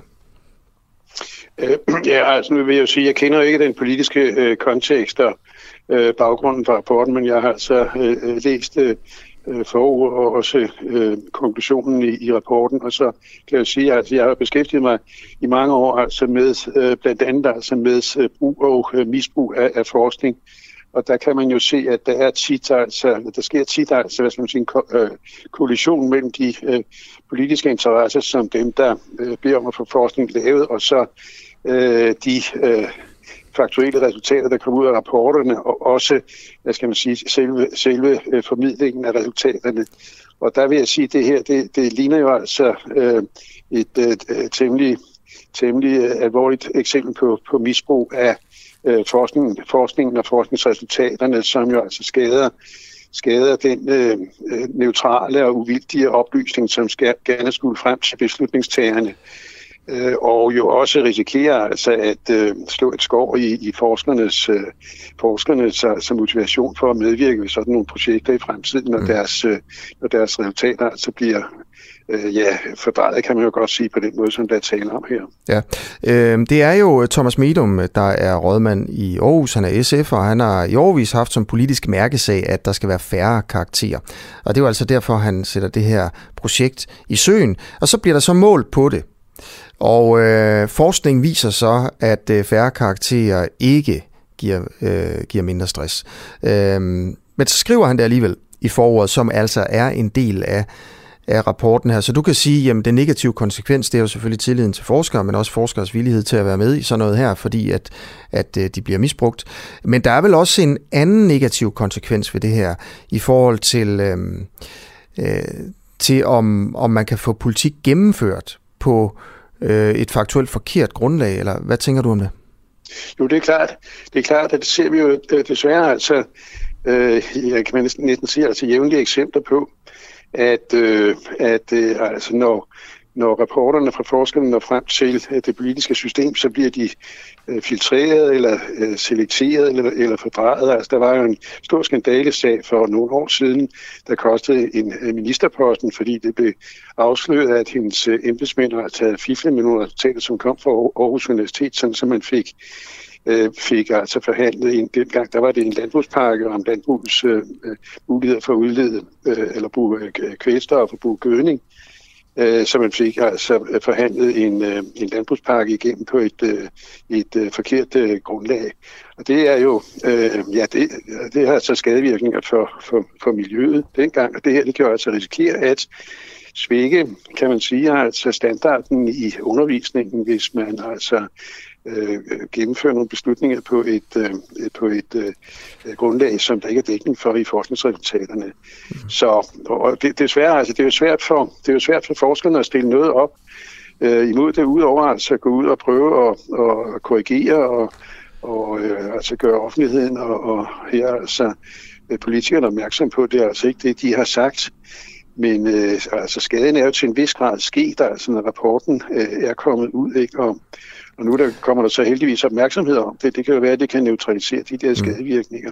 Ja, altså vi kan jo også se, vi har, vi har jo siddet og researchet på den her afslører så her til morgen, ikke? men altså vi kan jo se, at ikke nok med, at øh, rådmanden ændrer forordet til noget faktuelt forkert, der flugter med hans politik. Han sender også øh, samme dag en pressemeddelelse ud, øh, også med forkerte påstande, som så bliver citeret i både lokale og nationale aviser. Og der står altså så, at øh, at færre karakterer giver mindre stress hos eleverne på, på baggrund af den her forskning og det her forsøg i Aarhus. Og det siger forskningslederen så, det er simpelthen faktuelt forkert. Det passer ikke. Men historien er derude. Rådmanden har ændret det. Rådmanden har skabt virkeligheden. Ja, jo. Jo, ja, og det er, det er beklageligt, fordi man må sige, altså sådan, sådan som, som øh, det fungerer, medier og så videre, så der har jo altså en, øh, en, en, en rådmand, øh, hvad skal man sige, større medieadgang end, end, øh, end nogle, øh, hvad skal man sige, forskere øh, normalt har, ikke? Altså, det må man jo sige. Øh, altså, der, der findes, altså jeg vil sige, det er jo god, god skik, og, og burde være, måske være, være aftalt på forhånd, at at der på en eller anden måde også skal, skal være øh, enighed om formidlingen af resultaterne. Altså for eksempel således, at, øh, at hvis øh, rådmanden ville udsende øh, pressemeddelelser, så skulle den være klaret af med forskerne, inden den gik ud. Ja. Øh, og lige selvfølgelig med, med, med forordet. Altså. Øh, og jeg vil jo sige, altså jeg vil jo sige, at øh, sådan set er det, det er en uting, at der kommer et forord i en rapport, hvor altså forskerne står som forfattere, uden at dette øh, forord er, øh, er gennemgået og aftalt øh, på forhånd. Som sagt, der, så har vi, der, der, der kommer jævnligt sådan nogle eksempler. Altså, jeg vil sige normalt øh, god skik, hvis der er et, øh, et rimeligt øh, tillidsforhold og samarbejde mellem øh, forskere og, og dem, der får rapporterne, så vil man altid altså klirer af med, øh, hvad der står i øh, forord og, og også i pressemeddelelsen. Ja. Det var jo sådan, at uh, Thomas Medum Rådmanden, han sendte det her faktuelt forkerte forord ind til forskerne en time inden offentliggørelse. Offentliggørelsen var kl. 12, og kl. 11 der modtager de altså det her nye forord med faktuelt forkerte påstande i, som så er underskrevet øh, rådmanden selv. Og i den time, der går forskningslederen altså rundt om sig selv, fortæller hun her i starten af den her time, og er sådan i tvivl og bebrejder egentlig sig selv, at hun måske har skrevet rapporten lidt for lidt uforståeligt eller et eller andet. Øh, men hun ender så med simpelthen bare at sætte det her forord ind, fordi hun tænker, at det må stå for rådmandens egen regning. Øh, vi laver en, en, øh, et Ritzau-telegram på den her historie, øh, som jeg også kan høre, Heine, at du mener er en vigtig historie. Øh, og så håber vi nemlig også, at det her, det kan, den her historie kan blive større og brede sig ud i, i samfundet, sådan at det ikke kun er her i radioen, vi taler om den her til morgen. Øh, men nu er du selv lidt inde på det der med, hvordan medierne fungerer. Og så ved du måske også, at, at for at det her Ritzau-telegram altså, kan komme ud og den her historie, som vi laver her til morgen, kan komme ud til flest muligt, så har vi god, brug for gode citater. Og derfor så vil jeg spørge dig, øh, Heine Andersen, og du skal bare, altså om jeg kan få dig til at sige, rådmand Thomas Medum laver fake news. Øh, Øh, nej, nej, det kan du ikke. Du må, du må sige til, hvad jeg har sagt her. Jeg bruger ikke et, et uh, udtryk som fake news, så det vil jeg ikke have lagt i munden. Desværre. Desværre. Ja, ja. Hvad, kan, kan du ikke give os et rigtig det, godt og skarpt citat, som vi kan sætte ind i overskriften? altså, jeg tror, jeg sendte et i går. Øh, øh, Jamen, det gjorde du også. Ja, det var, at, at det ja. var misbrug. Ja, men ja, kan vi ikke lade det blive ved det? Skal vi lade det blive ved det? Ja. Tak fordi du ville være med. Okay, ja. Heine Andersen, altså professor i Meritus fra Københavns Universitet. Klokken er 4 minutter i 8. Du lytter til Den øh, Uafhængige. Jeg hedder Asger Jul. Øh, jeg håber, at øh, du vil blande dig og skrive din kommentar ind på sms og på Facebook. Der er kommet en sms her. Øh, måske burde fokus snarere være på, at henved en tredjedel af eleverne, der går ud af folkeskolen, er funktionelle analfabeter. Ergo er niveauet håbløst lavt. Karakterer er ikke problemet, skriver Martin.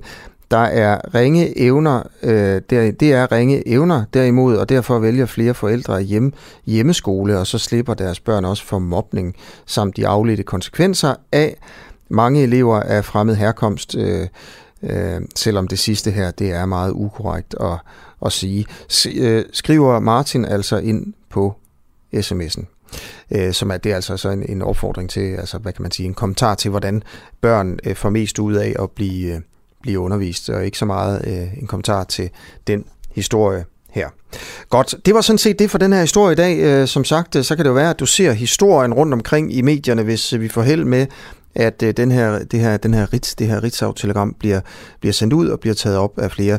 Jeg synes, at den her historie fortjener meget opmærksomhed. Jeg synes, det er ærgerligt, den kommer efter valget og ikke før kommunalvalget, fordi så kunne man jo lade være med at stemme øh, på, på ham der, SF'eren Thomas Medum, der altså misbruger forskning og, øh, og, og skriver faktuelt forkerte ting, øh, som passer ind i hans egen politik øh, i stedet for at ændre holdning, når han bliver præsenteret for fakta, så prøver han at ændre fakta.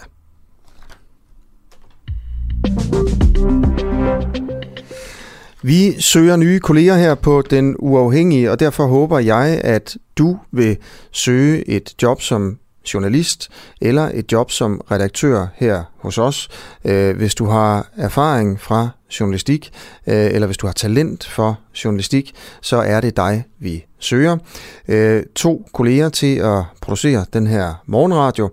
Øh, send en mail med ansøgning og CV til øh, LT Lise Thomsen, snablag den uafhængige.dk.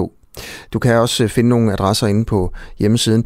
Jeg glæder mig til at læse de her ansøgninger. Det kommer jeg i hvert fald til. Godt. Øh, vi skal videre til øh, Katar og, og fodbold-VM. Der er jo meget kritik i forhold til, at det danske fodboldlandshold jo skal ned og spille i Katar. For det skal vi. Øh, Vi skal, vi skal, vi har kvalificeret os. Men i Katar er der store problemer med, øh, øh, med, med migrantarbejdere, som dør, når de bygger de store stadion, som vi skal spille på. Derfor er der flere, der mener, at vi simpelthen burde boykotte VM i Katar. Men det mener DBU ikke. Og beslutningen står indtil videre fast. Altså det danske fodboldlandshold skal spille til sommer i Katar. Her kommer et øh, interview om lige præcis det med Jakob Højer, der er kommunikationschef i DBU, og det er min kollega Oliver Fruergaard, som har interviewet.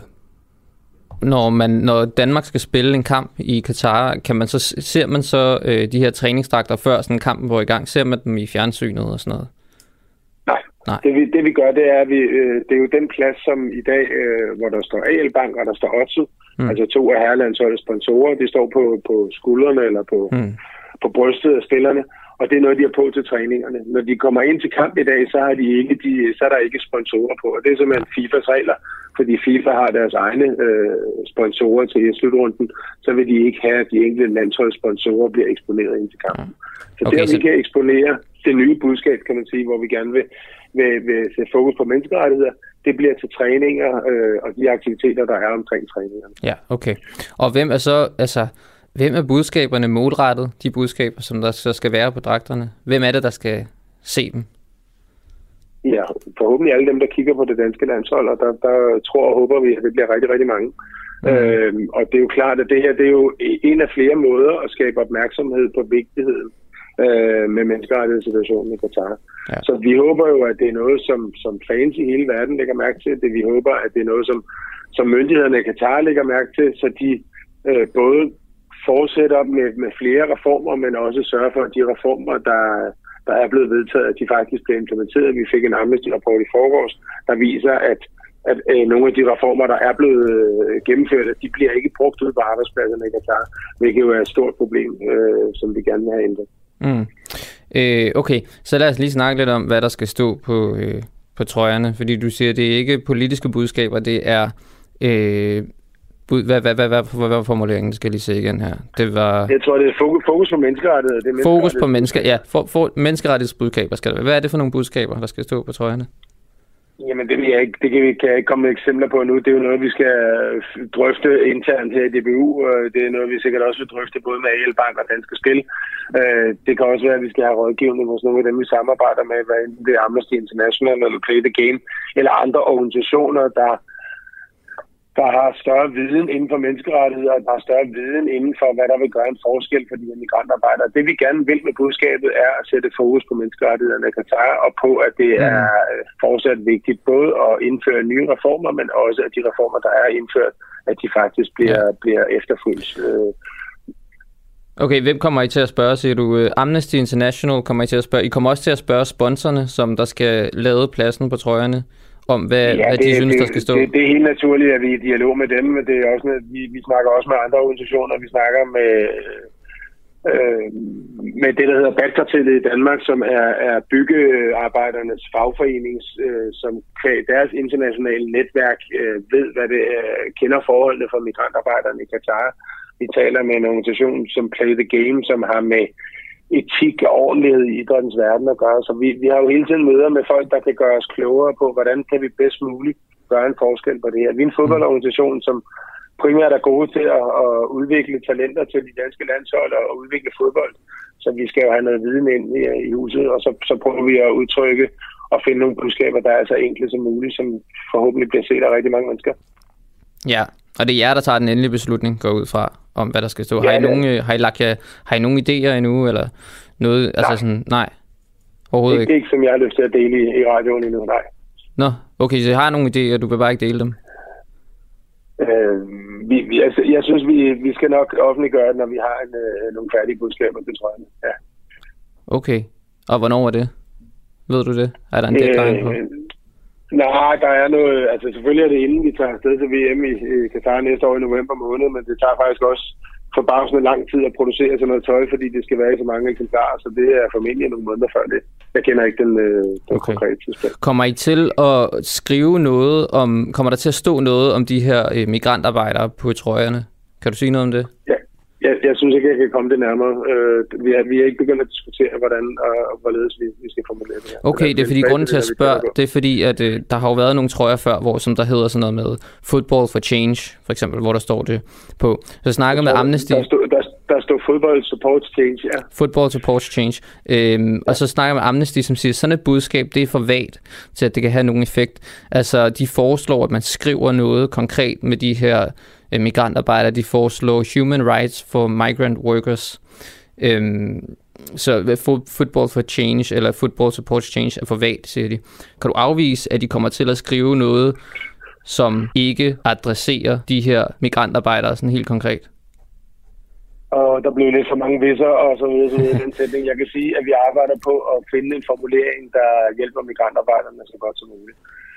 Okay, og så en, et andet af deres punkter, det er, at I vil, øh, I vil fortsætte den kritiske dialog med FIFA og arrangørerne i Katar, øh, og I vil alle øh, sammenhæng fortsat arbejde for migrantarbejdernes rettighed bliver øh, forbedret og respekteret.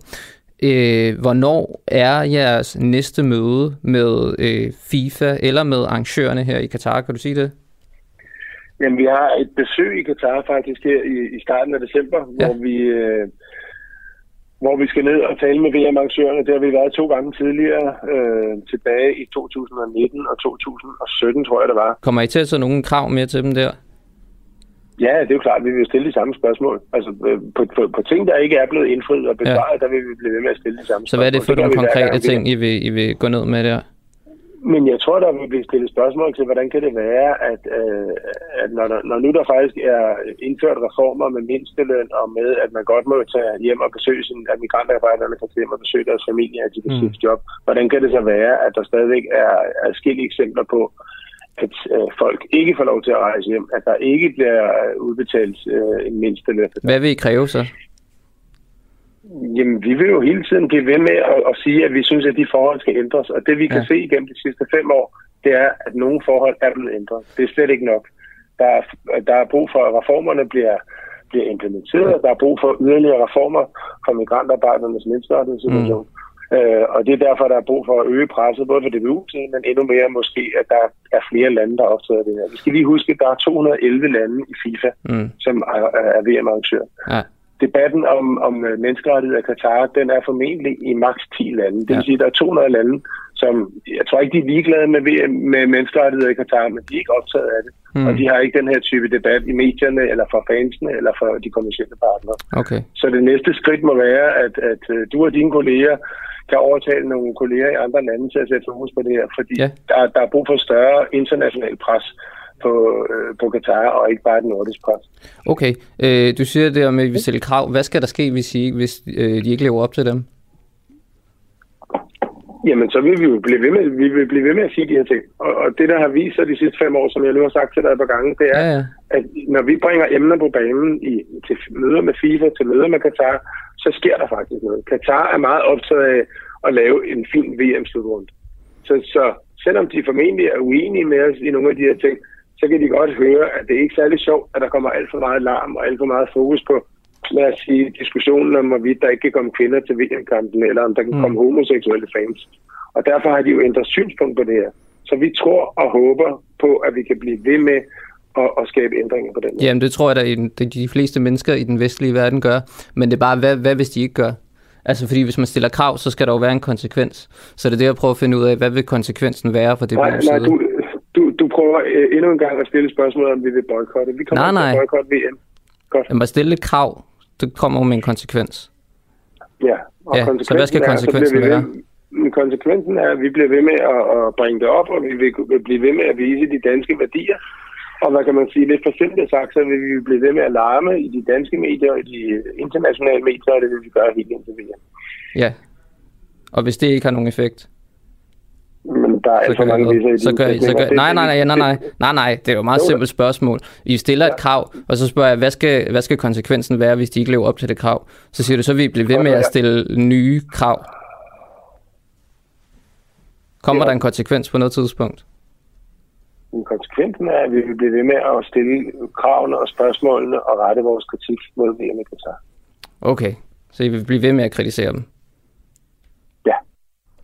Ja, tak til Jakob Højer, der er pressechef i DBU, altså her blev interviewet af Oliver Fruergaard. Øhm, og det er altså en række nye øh, såkaldt sådan, kritiske tiltag fra DBU der, DBU, der bliver talt om her. Øh, kritiske tiltag, der skal sætte fokus på de dårlige forhold øh, for migrantarbejderne. Øh, og DBU, øh, som jo stadigvæk ikke vil boykotte, det kan man også høre i interviewet her, VM, øh, skrev jo i onsdags, at man i stedet for vil sætte menneskerettighedsbudskaber på spillernes træningsdragter og fortsætte den kritiske dialog med FIFA og arrangørerne i Katar. Øh, og altså har, og har altså også, som man kan høre her, krav til Katar. Men hvad går de, altså, hvad, hvad kan man sige, hvad sker der så, hvis man ikke lever op til kravene?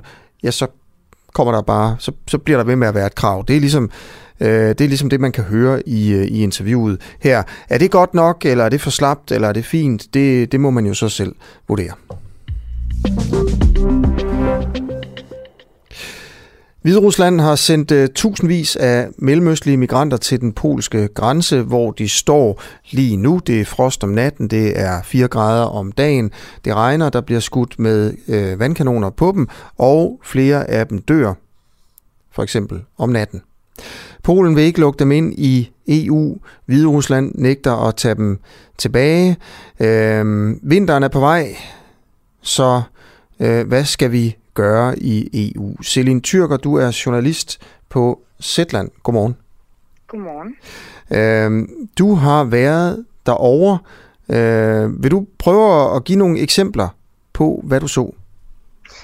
Ja, altså øhm, det er jo en rigtig, rigtig lang grænse. Den er 400 km lang grænsen mellem Polen og Belarus. Altså det, som du kalder Hviderusland. Øhm, så når man kommer, når man nærmer sig grænsen, uanset hvor, øhm, sådan omkring 20 km fra grænsen, så møder du kontrolpunkter med øhm, politi, der tjekker bilerne. Øh, de tjekker, om du har nogen på passagersiden, tjekker dit pas og dit ID og tjekker bagagerummet. Og så når du når længere hen til, øhm, til grænsen, så bliver du pænt bedt om at vende om, hvis ikke du er beboer i området. Så det vil sige, at man kan slet ikke komme hen til der, hvor øh, flygtningene og migranterne er? Ikke, øh, nej, ikke fra den polske side. Det er umuligt. Det er også derfor, at øh, mange af dem, der hjælper de migranter, som måske er strandet i, i det område, måske det lykkes dem at komme over grænsen og så lidt ind i den polske skov. Men de er i de her røde zoner, hvor der ikke er andre, der må komme ind. Det er både aktivister og NGO'er osv. Der er ikke nogen, der må komme ind, medmindre man bor der. Så det er faktisk op til de lokale, som, som bor i områderne, at, at hjælpe de her migranter, fordi det er det eneste, der kan. Okay, øh, så har du nogle eksempler på nogle menneskeskæbner, der har gjort et øh, indtryk på dig? Jamen, jeg mødte en, øh, en kvinde, som hed Gusha, som var en af de lokale, som aldrig rigtig havde gået op i flygtninge eller nødhjælp osv., for det har aldrig været relevant for hende, men lige pludselig så står hun i den situation, at hun er en af de eneste, der kan hjælpe, fordi hun er en af de eneste, der har adgang til der, hvor migranterne er, fordi hun bor tæt på, og altså dermed har lov til at være i zonen. Øhm, hun, øh, hende mødtes jeg med. Hun måtte køre ud af zonen, for at, øh, for at vi kunne tale sammen. Og der fortalte hun mig om, øh, om de skæbner, hun har mødt. Og så fortalte hun mig om, jeg spurgte hende, om der var nogen, hun huskede helt særligt. Og der sagde hun, der var en mand fra Syrien, øhm, og han var rent faktisk kommet på flygtningecenter, som en af de eneste, hun havde hjulpet. Så det var sådan den, den person, hun virkelig huskede, og hun øh, hjalp mig faktisk til at komme i kontakt med ham. Så jeg var over at snakke med ham, og han, øh, hans historie gjorde et indtryk. Det var, øh, han var kommet over grænsen tre gange, øh, og blev skubbet tilbage hver gang, hvilket jo er ulovligt. Øh, han havde fået brækket to ribben af øh, en belarusisk soldat, og halvvejs ind i skoven, så havde han lagt sig til at dø. Han, simpelthen, han kunne simpelthen ikke mere. Og det var der, Gusha, altså hende lokale kvinde, kom og, og reddede ham. Så hun fandt ham liggende i skoven? Ja, han lå ved en sump og havde sendt sådan en... Øh, de bruger jo de her Telegram, Messenger, Signal-grupper videre for ligesom... Jamen, så sender de deres præcise lokation og håber, at der er nogen, der kommer. Og hvis ikke, så var han... Han havde sendt sin lokation, og så har han lagt sig til at dø og tænkt, enten så kommer der nogen, eller så, øh, så er det slut her. Men så prøvede jeg i det mindste. Og hun, øh, hun kom så ud til ham. Og du siger, at han havde brækket benene, eller? Brækket to ribben. To ribben, undskyld, ja. Yes, yes. Så han kunne hverken spise eller drikke. Øh, det hele røg retur igen. Så det var også derfor, at halvvejs i skoven måtte han erkende, at han kunne nok ikke fortsætte med at, med at gå igennem den skov, når han hverken havde kunne få mad eller drikke. Og hvorfor ville han gerne til Europa? Jamen, hans hus er fuldstændig ødelagt i, i Syrien. Hans bror blev skudt på åben gade, mens han var på vej på arbejde, og der var ikke, altså, der er ikke noget tilbage der længere. Så han flygtede til Libanon, hvor han boede i rigtig lang tid. Men efter eksplosionen, den der store eksplosion, der var tilbage i august 2020, så er det bare heller ikke et sted sikkert, der er sikkert længere, og der er ikke nogen, der er ikke rigtig nogen fremtid for ham der heller. Øhm, han har bare brug for, han har vil gerne tage sin fireårige søn og sin kone med et sted, hvor de kunne være i sikkerhed. Og hvor er de henne nu, sønnen og konen? Sønnen og konen er stadigvæk i Libanon, for han vil ikke tage dem med til øh, på rejsen. Aha. Øhm, og øh, hvor er han henne nu? Sidst jeg talte med ham, der var han jo så på det flygtningecenter i Polen, øhm, og der skulle han blive i hvert fald i 10 dage på grund af coronaforholdsregler, så der er han stadig. Hans skæbne bagefter, det, det er jeg også spændt på. Okay, jamen, tusind tak, fordi du vil fortælle om, øh, om den, her, den her mand, Selin Tyrker. Selv tak. Journalist på Zetland, som altså har været, kan man jo høre her, i, i området øh, for at få historier om, øh, hvad der egentlig foregår. Øh, hvad man skal gøre her ved grænsen, øh, det det kan jo være svært. Øh, det, det synes jeg egentlig også øh, personligt er, er et svært spørgsmål. Men det jeg i hvert fald synes, der ikke er svært, det er, øh, at det er en skandale, at, at de polske styrker ikke vil lade journalister komme ind i det her område. Fordi øh, noget, der ikke kan diskuteres, synes jeg i hvert fald, det er, om det er relevant at finde ud af, hvad de faktuelle forhold er ved grænsen. Hvordan behandler man de her mennesker? Hvad gør man? Hvad gør man ikke? Du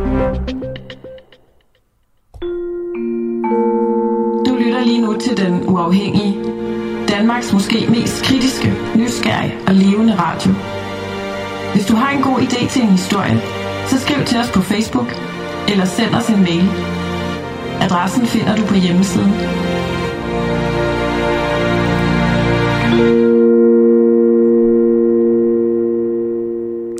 Har en magtfuld dansk milliardær deltaget i forbrydelser mod menneskeheden i Syrien uden at vide det? Det er simpelthen det spørgsmål, der danner rammen om øh, den næste historie og det interview, jeg skal lave her de næste 10 minutter. Det handler om Dan Bunkering, øh, et firma, som i årene 15-17 solgte flybrændstof til russiske kunder, som er kendt for at være leverandør til det russiske militær. Russiske bombefly var i samme periode indsat i den syriske borgerkrig på Bashar al-Assads side og havde stor betydning for, at han genvandt kontrollen over landet, blandt andet ved hjælp fra klyngebomber og også forlydende om brug af kemiske våben. Og der er altså nu en retssag, der ruller lige nu mod det danske firma Dan Bunkering, der altså er anklaget for at have solgt jetbrændstof, der er blevet brugt af Syriens præsident Assad til at bombe sin egen befolkning. Firmaets fynske ejer Torben Østergaard Nielsen blev tirsdag afhørt i retten. Og her der spillede anklageren flere telefonsamtaler, som politiet har aflyttet. Og det er jo interessant, hvad der blev sagt i de samtaler. Jens Bertelsen, godmorgen. Ja, godmorgen. Du er erhvervsredaktør på Avisen Danmark og følger den her sag tæt. Hvad, hvad blev der sagt? Jamen, øh, det, øh, det var der, undskyld, det var det interessant i, i tirsdags, at øh, Torben Østergaard Nielsen, ejeren af de her to selskaber, øh, det var hans tur til at komme og fortælle øh, sit øh, syn på, på sagen her. Han er jo Danmarks 6. rigeste mand, god for over 20 milliarder. Øh, ikke, så, ikke så kendt, men har så skabt den her kæmpe forretning, der sælger øh, brændstof, især til skibe, men altså også til, til fly over hele verden. Øh, og der sad den her mand, øh, 67 år gammel, i, i sit jakkesæt og skulle øh, forklare sig i, i vidneskranken. Og han lagde jo vægt på, at han befinder sig meget langt væk fra den daglige forretning. Øh, han ejer over 100 selskaber og har overladt ledelsen til, til andre, men, øh, men jo ikke mere, end at han har talt med meget store bogstaver internt om den her sag. Især fordi han hele tiden fik nye oplysninger ved at, at læse om sagen på DR's hjemmeside. Altså ting, han ikke havde hørt om fra sine egne medarbejdere. Og der kunne man høre på de her telefonsamtaler, som politiet havde aflyttet, at, øh, at det var han både vred og, og rystet over. Øh, han sagde på et tidspunkt, øh, vi taber sagen ved et brag. Men i retten der understregede han altså, at han konstant havde fået at vide af, både advokater og sine ansatte, at, at der ikke var gjort noget forkert. Okay, så, så man kan sige, at, at det var på en eller anden måde ikke så inkriminerende over for øh, firmaejeren?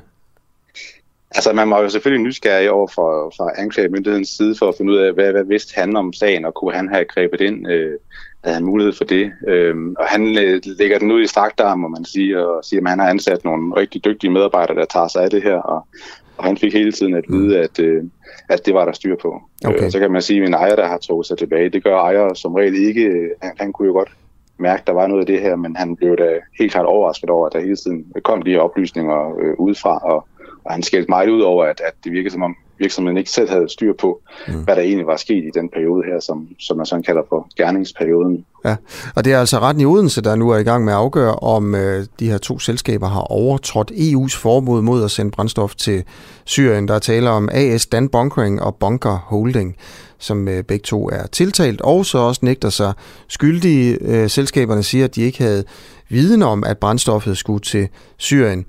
I alt er der blevet gennemført 33 handler i de her år fra 2015 til 17 til en værdi af 648 millioner kroner, øh, og det er altså bagmandspolitiets oplysninger. Øh, den her sag den udspringer af en amerikansk efterforskning mod to russiske virksomheder, øh, og derfor øh, var der altså også fløjet en special agent, Special Agent Small, ind fra det amerikanske FBI øh, for at afgive vidneforklaring. Øh, ved du, hvad han sagde? Ja, det gør jeg. Øh, jeg var der selv, og vi, der sad på tilhørrækkerne, havde jo meget høje forventninger, da vi hørte, der var en FBI-agent, der, der skulle ind og, og afgive forklaring. Øh, men Mr. Small, øh, han øh, arbejder med sanktionssager for, for det amerikanske forbundspoliti, og, og det var jo FBI, øh, som du siger, der sådan først fik nys om, om sagen, vi taler om her, fordi der var nogle øh, pengetransaktioner, der, der virkede mistænkelige og blev sat i forbindelse med, med olieleverancer til, til Syrien og FBI fik adgang til e-mails, der var sendt mellem de øh, russiske oliehandlere og så folk i Syrien, øh, der var kommet til at benytte en, en Yahoo-konto til formålet. Det skal man så åbenbart passe på med. Øh, men der fandt øh, FBI altså ud af, at det formentlig var Dan Bunkering, der oprindeligt leverede olien til russerne. Og, og den viden delte de så med myndighederne i Danmark. Og det var sådan set den efterforskning, som agenten skulle, skulle fortælle om. Men, øh, men jeg må sige, det blev, det blev en ret kort afhøring, og det var nogle ret banale oplysninger, som agenten gav fra sig, så, så det står ikke helt klart for mig, hvorfor han skulle rejse til, til Odense, men øh, mm. det kan være, det giver mening, når anklager og forsvar når frem til en procedure på et tidspunkt, og skal trække deres konklusioner frem. Okay. Prøv at, øh, jeg vil også gerne lige spørge dig om, altså, hvad det er, bagmandspolitiet egentlig mener, sådan rent faktuelt, der er, er sket med det her brændstof, øh, og hvorfor det er så forkert, at man sælger noget brændstof, som ender i et fly, som, som, som smider nogle bomber. Altså, øh, fordi jeg, jeg sidder også og tænker, jamen altså, hvis de ikke havde købt øh, brændstof fra, fra ham her, Torben, øh, jamen så kunne de man have købt det et andet sted. Altså, øh, du ved, man bliver jo heller ikke knaldet for, at, hvis man leverer brændstof til, øh, ja, altså, til, til en spritbilist eller, eller et eller andet. Det, men vil du, først vil du bare lige prøve at beskrive øh, ham her Torben Østergaard Nielsen altså som du siger, er en af Danmarks rigeste mænd, øh, som jeg i hvert fald aldrig har hørt om før. Øh, altså, hvordan ser han ud? Jamen, han er en øh, meget nydelig øh, herre, øh, fremstår som, som sådan en topleder øh, kan gøre, øh, som jo for mange år siden, øh, altså han startede sådan set selv øh, tilbage i, i starten af 80'erne med at bygge det her op. Øh, Dan Bunkering er sådan kronjuvelen i, i alt det, han har lavet med at, at sælge brændstof, især til, til rædderierne, og, og han ligesom har bygget på den her sådan maritime tradition, vi, vi har i Danmark, øh, at vi har, vi har i forhold til vores størrelse øh, en meget stor del af, af markedet for, for skibsbrændstof. Øh, og det har han jo så bygget op, men, men det er jo en, en cowboy-branche, den der oliebranche. Ja. Det, det indrømmer de jo sådan set også selv. Okay. Og det han så måske har vokset så stort på, det er at prøve at lægge sig i den pæne ende. Så det er jo sådan det, han har skabt gennem årtier, at, at der er jo sådan en ordentlighed øh, forbundet med, med det, der foregår hos øh, Dan Bunkering, så rædderierne kan være trygge ved at, at købe øh, olie hos dem, uanset øh, fra hvilken havn i verden, at, øh, at de skal have det.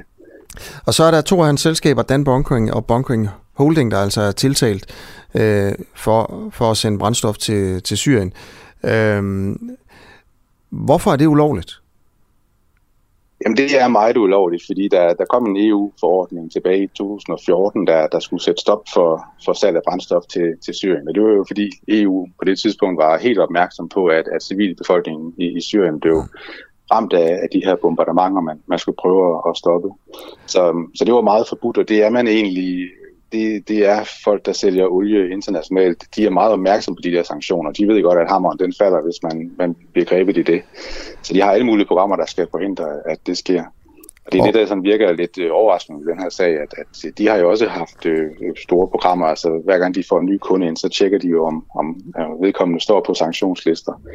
Øh, og man kan jo sige, ud fra forsigtighedsprincip, så skulle de jo for længst have, have trådt ud af det her, når man begynder at sælge flybrændstof i de mængder i den østlige ende af Middelhavet, øh, mens den her borgerkrig øh, raser lige ved siden af.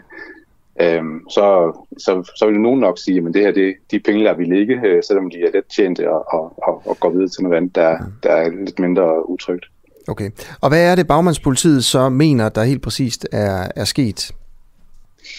Jamen, de mener jo, at øh, Dan Bunkering har, har leveret øh, olie, som er blevet sejlet med skibe, som har slukket for deres øh, transponder, altså de sender, som, som de har.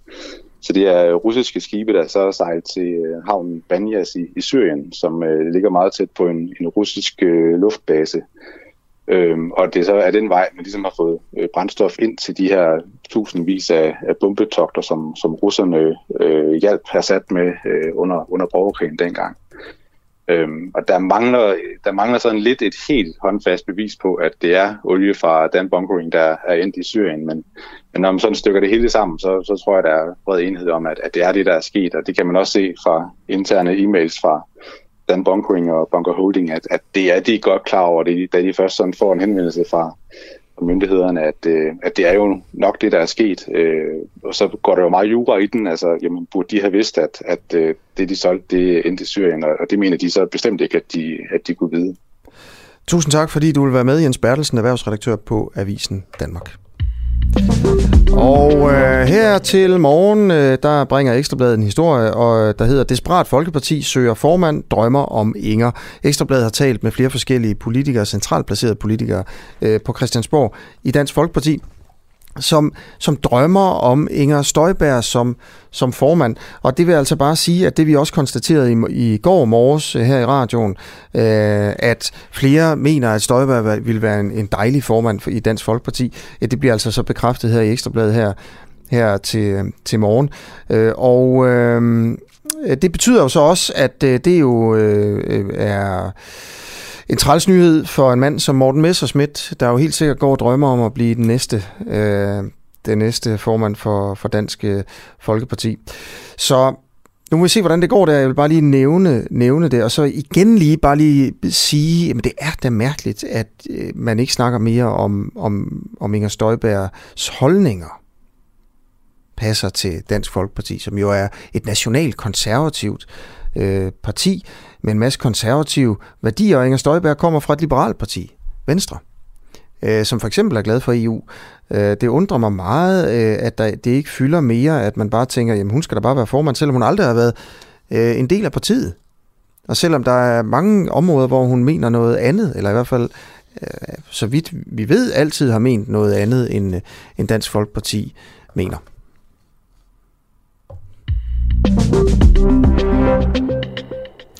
Lige om lidt, øh, der taler jeg med Peter Sindbæk, øh, som er med live fra øh, Mink-kommissionen, hvor øh, jeg er ret sikker på, at han står udenfor og venter øh, på, at øh, dagens hovedperson kommer. Det er Nick Hækkerup, øh, justitsministeren, som skal, øh, som skal, øh, som skal interviews af Mink-kommissionen i dag.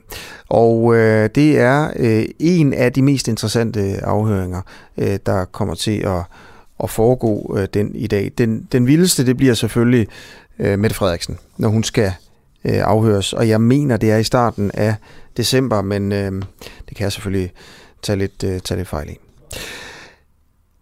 Er Carlsberg stoppet med at reklamere på hviderussisk tv? Øh, et tv, der ydmyger torturoffre og udpeger forrædere, som skal hænges, altså en forfærdelig tv-kanal for at sige det mildt. Øh, Carlsberg mener jo selv, og vi har jo afsløret her, at der er de her reklamer på Hvide Osis TV, øh, og spørgsmålet er, om de skulle stoppes. Øh, Carlsberg mener selv, at øh, man, er en, øh, man, man står for integritet, ansvarlighed, ærlighed og en etisk forretningsmodel. Det kan man se, hvis man går ind og, og ser på deres reklamer.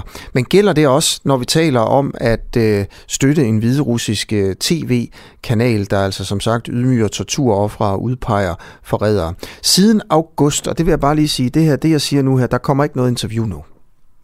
Det her det handler om, at jeg vil bare lige sige, at Carlsberg simpelthen ikke vil interviews om den her sag, som er vigtig.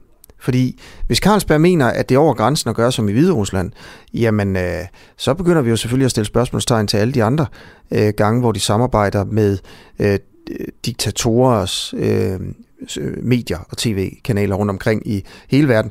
Og hvis de ikke mener, at øh, det er et... Øh, det er et problem at, at samarbejde med, med hviderussiske stats-TV, så vil vi selvfølgelig gerne høre, hvorfor det ikke er et øh, problem, når, øh, når tv-kanalen for eksempel udpeger forrædere og ydmyger torturoffer. Hvor går grænsen egentlig for Carlsberg? Men altså, siden august øh, har vi forsøgt at få et interview Øh, og det er altså fordi, de reklamerer på tv-kanalen, øh, og vi har tidligere snakket med Amnesty og Institut for Menneskerettigheder, som har rettet en skarp kritik af Carlsberg. Lige nu er tusindvis af migranter fanget ved den polske grænse, hvor temperaturen øh, falder, og flere risikerer at, at dø. Og vi har altså også øh, prøvet at spørge Carlsberg, om de fortsat reklamerer, mens det her står på, om de vil stille op til et interview. Men vi har fået den her kommentar, og det er jo også, så kan jeg læse den op lige nu. Vi tager afstand, nej, vi tager til stadighed menneskerettighedsspørgsmål seriøst i alle de markeder, hvor vi opererer. Ligesom vi følger lokal lovgivning og respekterer internationale sanktioner. Det gælder også i Belarus, hvor vores lokale brands bruger forskellige medier til at reklamere for deres produkter. Og det er jo øh, det er bare Carlsberg, der siger, at de tager de her ting seriøst, øh, men altså øh, fortsat opererer i Hvide Rusland. Øh, Amnesty sagde om den her øh, sag, at Carlsberg har som alle virksomheder et ansvar for at handle i overensstemmelse med FN's retningslinjer for menneskerettigheder og erhverv, også når det handler om, hvor man som virksomhed reklamerer for sine produkter, og Carlsberg lader ikke til at have udført ordentlig og nødvendig omhu i den her sag. Der er også kritik fra Institut for Menneskerettigheder. Du lytter lige nu til en uafhængig morgen. Kritisk, nysgerrig og levende radio, som politikerne ikke kan lukke. Vi sender live alle hverdage fra klokken 7 til 9. Lyt med via vores app på DK4 DAB, fra vores Facebook-side, eller hvis du bor i hovedstadsområdet på FM-båndet 102,9. Tak til dig, som gør det muligt. Et par nyheder her til, til morgen. Øh, Filippinerne melder sig i rækken af asiatiske lande, som lemper coronarestriktioner øh, for færdigvaccinerede turister. Øh, hvis man skal til øh, Filippinerne, så er det altså en god nyhed. Øh, det østasiatiske land kommer til at åbne for vaccinerede turister fra lande med lave smittetal, det skriver Reuters her til morgen. Øh, en anden nyhed, Danmark giver 30 millioner til nødhjælp i Etiopien. Der er jo øh, en humanitær katastrofe øh, der øh, i forbindelse med en, øh, en borgerkrigslignende tilstand. En borgerkrig er det vel i virkeligheden i en del af landet. Øh, vi kommer til at give 30 millioner kroner til at styrke FN's humanitære indsats i Etiopien. Øh, det skriver Udenrigsministeriet i en pressemeddelelse øh, hvor øh, udviklingsminister Flemming Møller Mortensen siger sådan her, jeg er dybt bekymret over den humanitære situation i Etiopien. Millioner af mennesker har akut brug for nødhjælp. Øh, rigtig mange af dem, der er ramt øh, af den væbnede konflikt øh, øh, i nord, kommer til at få den her nødhjælp. Og samtidig så kæmper de i den sydlige del af landet med tørke. Ja, og den her melding den kommer altså øh, forud for, at udviklingsministeren i dag øh, deltager i et møde med EU's udviklingsministre, hvor altså Etiopien også er på øh, dagsordenen. Regeringen vil også bruge et 60 millionbeløb på covid-19-piller. Øh, det kommer også frem her til morgen. Regeringen og Folketinget lægger op til at bruge 450 millioner kroner på to nye behandlingsformer mod covid-19. Det er noget, politikken skriver, og tak til politikken for den nyhed. Politikken har fået agtindsigt i et dokument fra Sundhedsministeriet til Folketingets finansudvalg. Øh, og en sidste nyhed, øh, det er altså fra USA. To mænd er blevet frifundet for drabet på Malcolm X i 1965. Det er to mænd, som i 65 blev dømt for drabet på borgerrettighedsaktivisten Malcolm X. Øh, de er i dag blevet frikendt af højesteretten i New York, det skriver flere amerikanske medier. Øh, det, den ene af de to mænd er den nu 83-årige Mohammed Aziz, der blev løsladt i 85 og to år senere så blev også Khalil Islam løsladt. Han døde så i 2009. En to år lang efterforskning har vist, at der under retssagen mod de to blev tilbageholdt bevismateriale, som kunne have bevist deres uskyld. Jeg beklager, at denne domstol ikke til fulde kan gøre denne alvorlige fejl om og give dig de mange år, du har tabt tilbage. Det sagde dommeren, øh, og det var jo selvfølgelig helt på sin plads. Dommeren hed Ellen Biden, og hun sagde det til Mohammed Assis, som altså har spenderet en stor del af sit liv i fængsel, selvom han var en uskyldig mand. Og han er nu 83 år gammel. Ja, husk, du kan øh, blande dig, øh, hvis du vil deltage i, øh, i alt det, som jeg står og taler om her i, øh, i radioen. Og øh, nu siger jeg godmorgen til Troels Lund Poulsen. Godmorgen. Godmorgen. Godmorgen. Du er finansordfører for Venstre og medlem af Finansudvalget her. Øh, vi skal prøve at snakke lidt med dig om, hvad der skal ske med den her skandaleramte Niels Bohr bygning, som vi har haft meget fokus på her på, øh, her på Den Uafhængige. Vi har dækket skandalen omkring øh, en bygning. Det er jo en bygning, der ligger i, i København, faktisk lige over for vores øh, redaktionslokale. Og øh, Niels Bohr bygning var anslået til at stå færdig i 2016, og den skulle have kostet 1,6 milliarder kroner. Prisen er nu over 5 milliarder og vil først være klar til brug i 2022. Det er offentlige penge.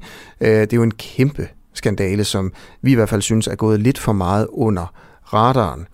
Øhm, nu bliver sagen også genstand for politisk opmærksomhed, fordi øh, du har indkaldt transportministeren i et, øh, til samråd, og det løber stablen i går. Hvad, kan du fortælle lidt om, hvad der skete på, på mødet her?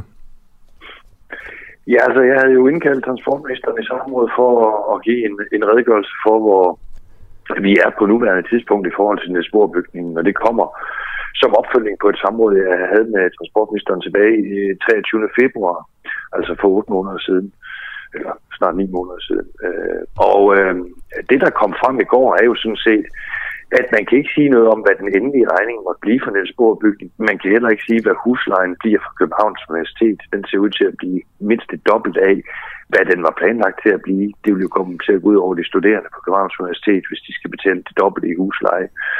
Og så kan man heller ikke sige noget om, øh, hvornår bygningen står færdig. Og det har jo så ført mig til, øh, efter det time lange samråd, jeg i går havde øh, med transportministeren, nu både at øh, indkalde Øh, forskningsminister Jesper Petersen, øh, fordi det er ham, der skal svare på, hvad bliver huslejeniveauet så? Det kunne transportministeren ikke svare på.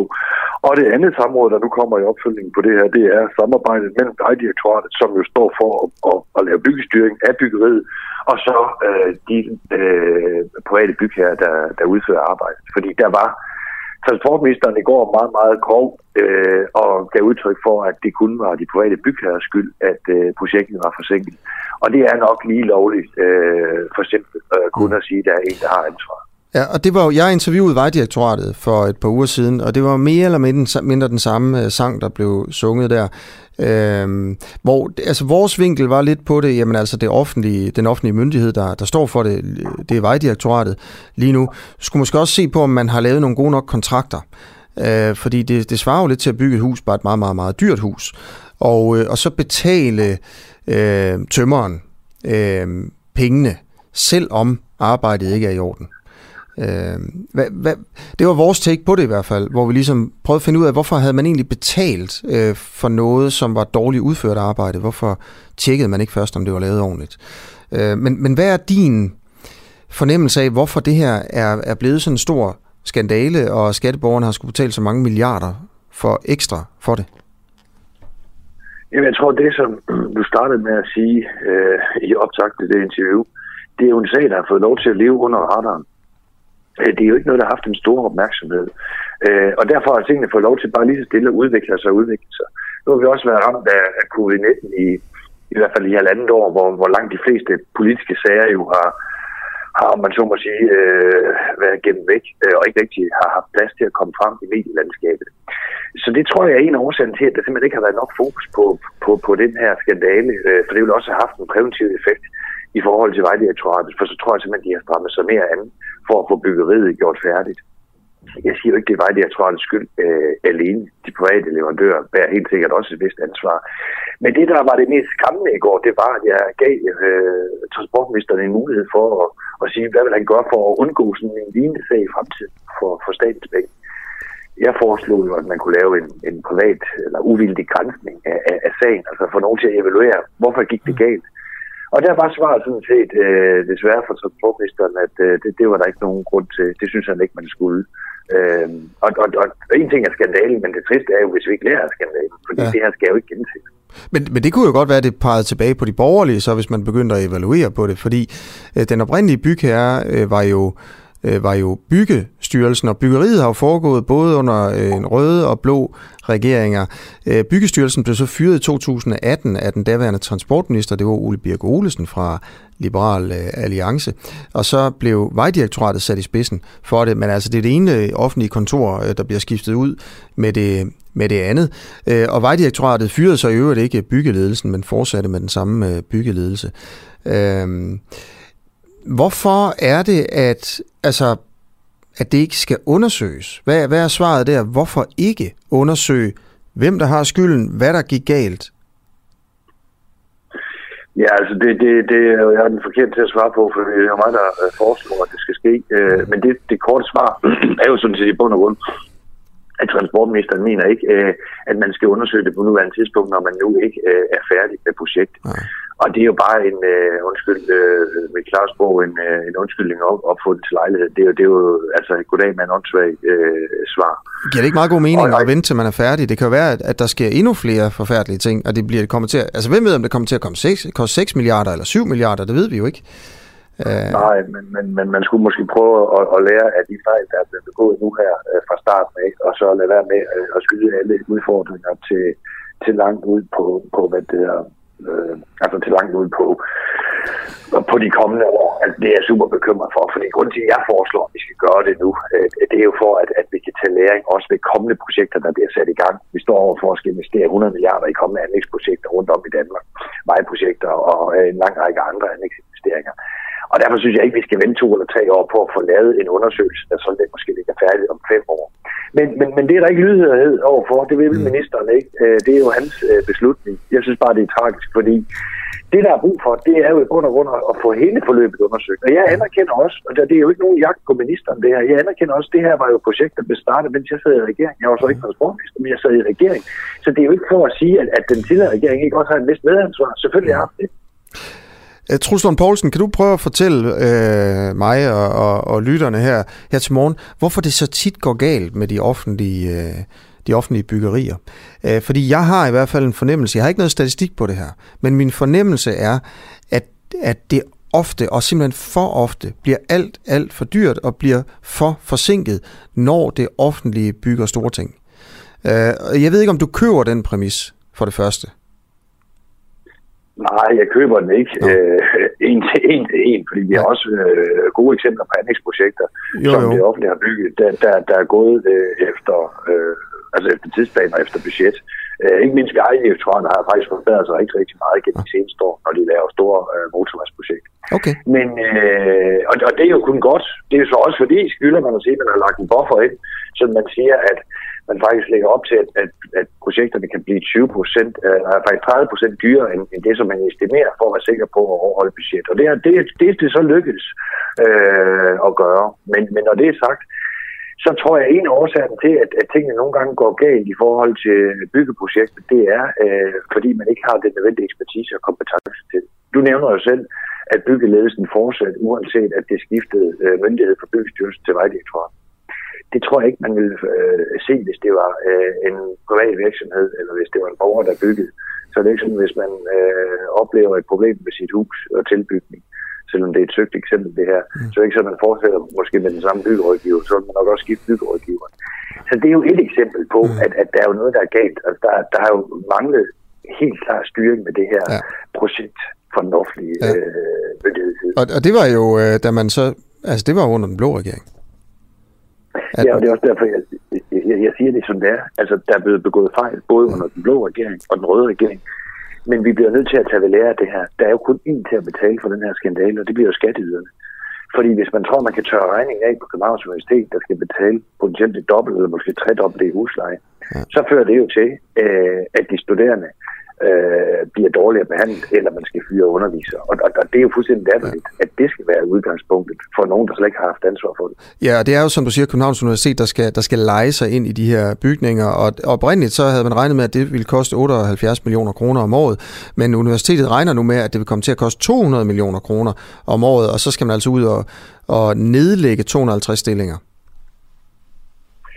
Jamen, det er jo øh, det, det, der potentielt kan blive konsekvensen ja. af, af den her skandale. Øh, og, og det er jo helt vildt, at nogen, der slet ikke øh, kan sige sig at have ansvar for, hvor man er endt, at, at de så bærer ansvaret for at betale for, øh, for økonomien bag.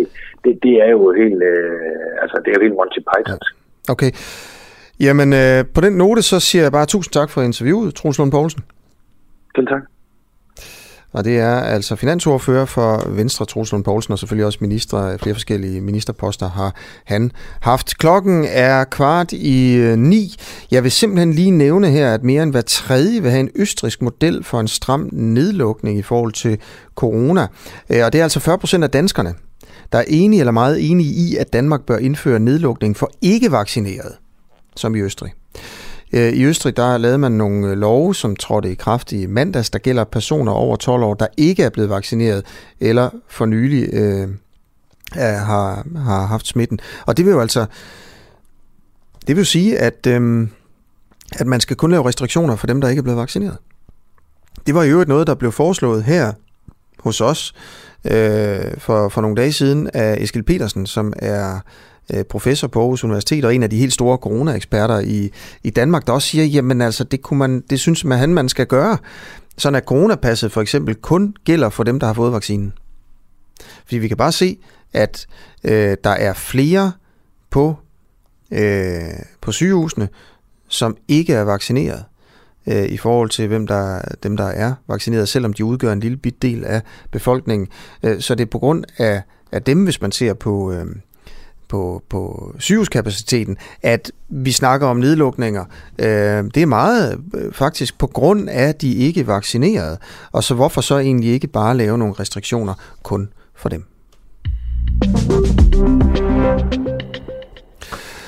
Okay, øh, klokken er de her 14 minutter i, øh, i 9. Jeg kommer lige til, øh, fordi vi har et fuldt fokus på situationen ved den hvide russiske øh, grænse, hvor der er en... Og hvis, hvis, det kan godt være, at du sidder og tænker nu her, jeg er lidt irriteret, jeg er lidt træt af at høre på, hvad skal vi gøre med de her migranter på den hvide russiske grænse, fordi nu har I ævlet om det i flere dage. Ja, det har vi. Men det er på en eller anden måde, synes jeg, en interessant historie, fordi det er sådan en trygtest på, øh, hvad man i virkeligheden skal gøre med, øh, med, med flygtningestrømme og, og migranter.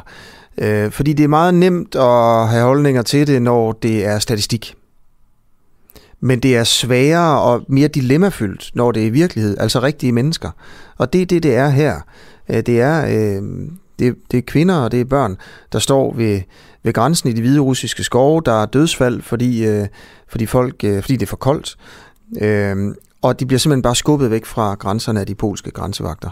Er det rigtigt? Er det forkert? Hvad fanden skal vi gøre? Hvis vi lukker dem ind, så kan det være, der kommer flere. Og det sætter sådan øh, Europa under pres øh, Øh, kultursammenstød og, og, og den slags ting, som, øh, som vi ser mange af. På den anden side, så ligger de jo og dør ude i skoven.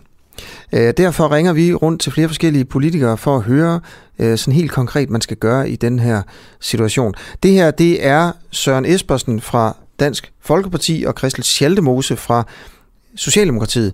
Og de øh, Espersen er i Folketinget, og øh, Schaldemose, hun er i Europa parlamentet. Det her det er et lille klip af, øh, nedklip af, hvad sådan de mener, øh, og hvor de mener dilemmaerne er. Øh, hvor, hvor, altså har du et, kan man sige, hvad nu hvis halvdelen dør? Søren ja, Espersen. Det, det, det, skal vi så ikke. åbne grænsen? Hvor mange synes du, Asger, der skal åbnes for? Det er jeg helt vildt meget i tvivl om. Jamen, det er jeg jo også. Er du det? Altså, det lyder ikke som om, du er i tvivl. jeg, jeg, jeg, jeg ikke Hvor mange mener du, at man skal åbne grænsen for dig? Nu, nu, nu, nu skal du høre, hvad jeg siger, og prøv også at høre efter, hvad jeg siger. Jeg synes ikke, der er nogen, der skal dø. Vi skal gøre hvor vores indsats. Jeg ved, at Røde Kors i Hvide Rusland er i gang. Der er hjælpeorganisationer. De skal sørge for, at de får de ordentlige forhold til de mennesker, sådan at de, kan- de, de, de bliver overbevist om, at det her det nytter ingenting. De kommer ikke ind i EU. Det er det, der gør ja. Og så igen, nu tror jeg, jeg har sagt det flere gange, jeg ønsker ikke, at nogen skal dø, Nej. og det tror jeg ikke, der er nogen, der gør. Nej, det tror jeg faktisk heller ikke, der er. Øh, men, men alligevel, så det her med, hvis halvdelen dør af kulde, synes du så, man skal åbne grænsen? Jeg vil ikke svare på det. Det vil jeg selvfølgelig ikke. Altså, Okay. Ved, jeg, ved jeg, du, jeg, hvad- har du en, har du en Jeg holdning ikke. til det, som du bare ikke vil dele med lytterne? Min holdning er, at der ikke er nogen, der skal dø, og vi skal lave Jo, jo, en men det er jo ikke et svar på det spørgsmål. Nej, men, men Det jo spørgsmål, du nægter at svare på, har du, altså mener du godt, hvad du ved om det, du nægter bare at sige det højt? Er det sådan, jeg skal forstå det? Mm, Nej, det, så skal du ikke forstå det. Jeg, jeg mener det fuldstændig seriøst og ærligt, når jeg siger, at der er ikke nogen, der skal dø. Mm. Og vi skal gøre alt, hvad vi kan for at redde de mennesker, sådan at de har telte, de, har, de, de behov, som øh, de har, øh, bliver dækket. Min holdning er, at... Øh, Skal de ind, skal de, øh, hvis de beder om asyl alle sammen, Nej. skal de så ind? Jamen, det ved jeg faktisk ikke, hvad jeg synes i den her givende situation. Men er vi enige om, Øh, at det- lovgivningen er sådan, at de skal ind, hvis de beder om asyl alle sammen? Ja, Ja, det er vi nemlig. Så, så, Nej, så du kan alligevel ikke sige, at du mener, at man skal følge Jamen, jeg må slet asyllovgivningen jeg må her. slet Hvorfor er Jeg du må i slet tvivl om det? ud. Jamen, jeg må slet ikke tale ud her. Øh, og, og, Jo, og jeg kan må ikke du forstå... Okay, tak. Fordi tingene hænger jo sammen. Vi er under en slags angreb fra Lukashenko. Det håber jeg ikke, du er uenig i. Altså faktuelt bruger han de her mennesker som øh, en slags øh, øh, rambuk for at, øh, at skabe ustabil eller destabilitet øh, i EU, fordi han er ret træt af de sanktioner, vi har lagt mod ham. Så derfor kan man ikke være, man kan ikke, man kan ikke se situationen totalt uafhængig af, at, øh, at vi er under angreb. Og, øh, og derfor så er der også behov for at finde løsninger. Og hvis vi bare sagde, at man kom bare, vi åbner bare op 100 procent, øh, uagtet, øh, så, så vil han jo bare blive ved og blive ved og blive ved, og så vil vi få problemer, fordi vi har, vi har ikke, vi har ikke et fælles, øh, vi har ikke, vi har ikke en god, øh, øh, ordentlig fælles øh, asylpolitik øh, i Europa. Løsningen på verdens problemer og flygtningens problemer og migranters problemer skal ikke findes inden for EU. Jeg mener, vi skal finde dem uden for EU. Når så- det er så sagt, så er det jo op til, så er det jo op til Polen eller Litauen eller hvilket land det nu er, øh, at finde ud af, hvordan de vil håndtere den her givende øh, situation. Det er jo dem, Ja. der styrer grænsen. Ja, det er klart. Så, så det vil jeg altså sige, Christian til, tak fordi du var med nu her. I det her interview kunne du ikke svare på, om du mener, at Ej, men prøv at Polen skal overholde... er Prøv lige- at høre er efter. Nej, nej, nej, jeg er jo ikke ved at snakke. Jo, jeg vil gerne lige nej, snakke færdig her. Du Ja, kan men- ikke jeg svare på i det her interview, om du mener, ja at Polen skal overholde gældende Ja, international asyllov ved grænsen her, hvor folk dør ved grænsen. Det kan du simpelthen ikke svare på. Ja, men ved du hvad, men prøv at høre, det var lige præcis det der, da jeg blev ringet op i går, da jeg spurgte, vil du være med? Så siger jeg ja, hvis jeg kan få et ordentligt interview, hvor jeg har mulighed for at svare ordentligt. Og Så svar på, om du mener, at man bør overholde Og- gældende kan- at asyllov ved grænsen her og lukke dem ah, alle sammen men ind, når de beder om asyl. ah, altså. Skal man Jamen, overholde den ja. asyllov ved grænsen? Jamen, ved du hvad, altså sagen er den, at selvfølgelig skal man overholde regler, men vi er jo under angreb, og derfor kan du ikke sige, at det her 100% betyder, at man bare skal lukke alle ind. Men det siger reglerne jo. Hvor mange der kommer. Men Nej, reglerne det siger, at man de skal lukke dem ind, hvis de beder om asyl alle sammen. Ja, men, det har, men et, et, jeg vil godt understrege, det har de ikke bedt om. Nej, nej, hvis de gør. En del af dem. Nej, jamen, ja, men øh, prøv at høre. De har ikke bedt om det. To, De bliver sprøjtet ved, væk med de vandkanoner, det ved du godt, ikke? Vi, jo, det ved jeg godt. Men de har også været spredt over hele grænsen. De har forsøgt at kravle over grænsehegn og så videre. Sagen er den, og det er derfor, jeg synes, at det her det er en lille bit smule mere nuanceret end bare at sige ja og nej. Sagen er den, at vi er under angreb. Og når man er under angreb, så må man også have mulighed for øh, at, øh, at forsvare sig. Ja, tusind tak til Christel Tjallemose, som sidder i øh, Europaparlamentet for Socialdemokratiet, øh, og også Søren Espersen, som man hørte først i klippet her. Klokken er øh, syv minutter i ni, og så er vi jo lige ved at være færdige, men ikke helt.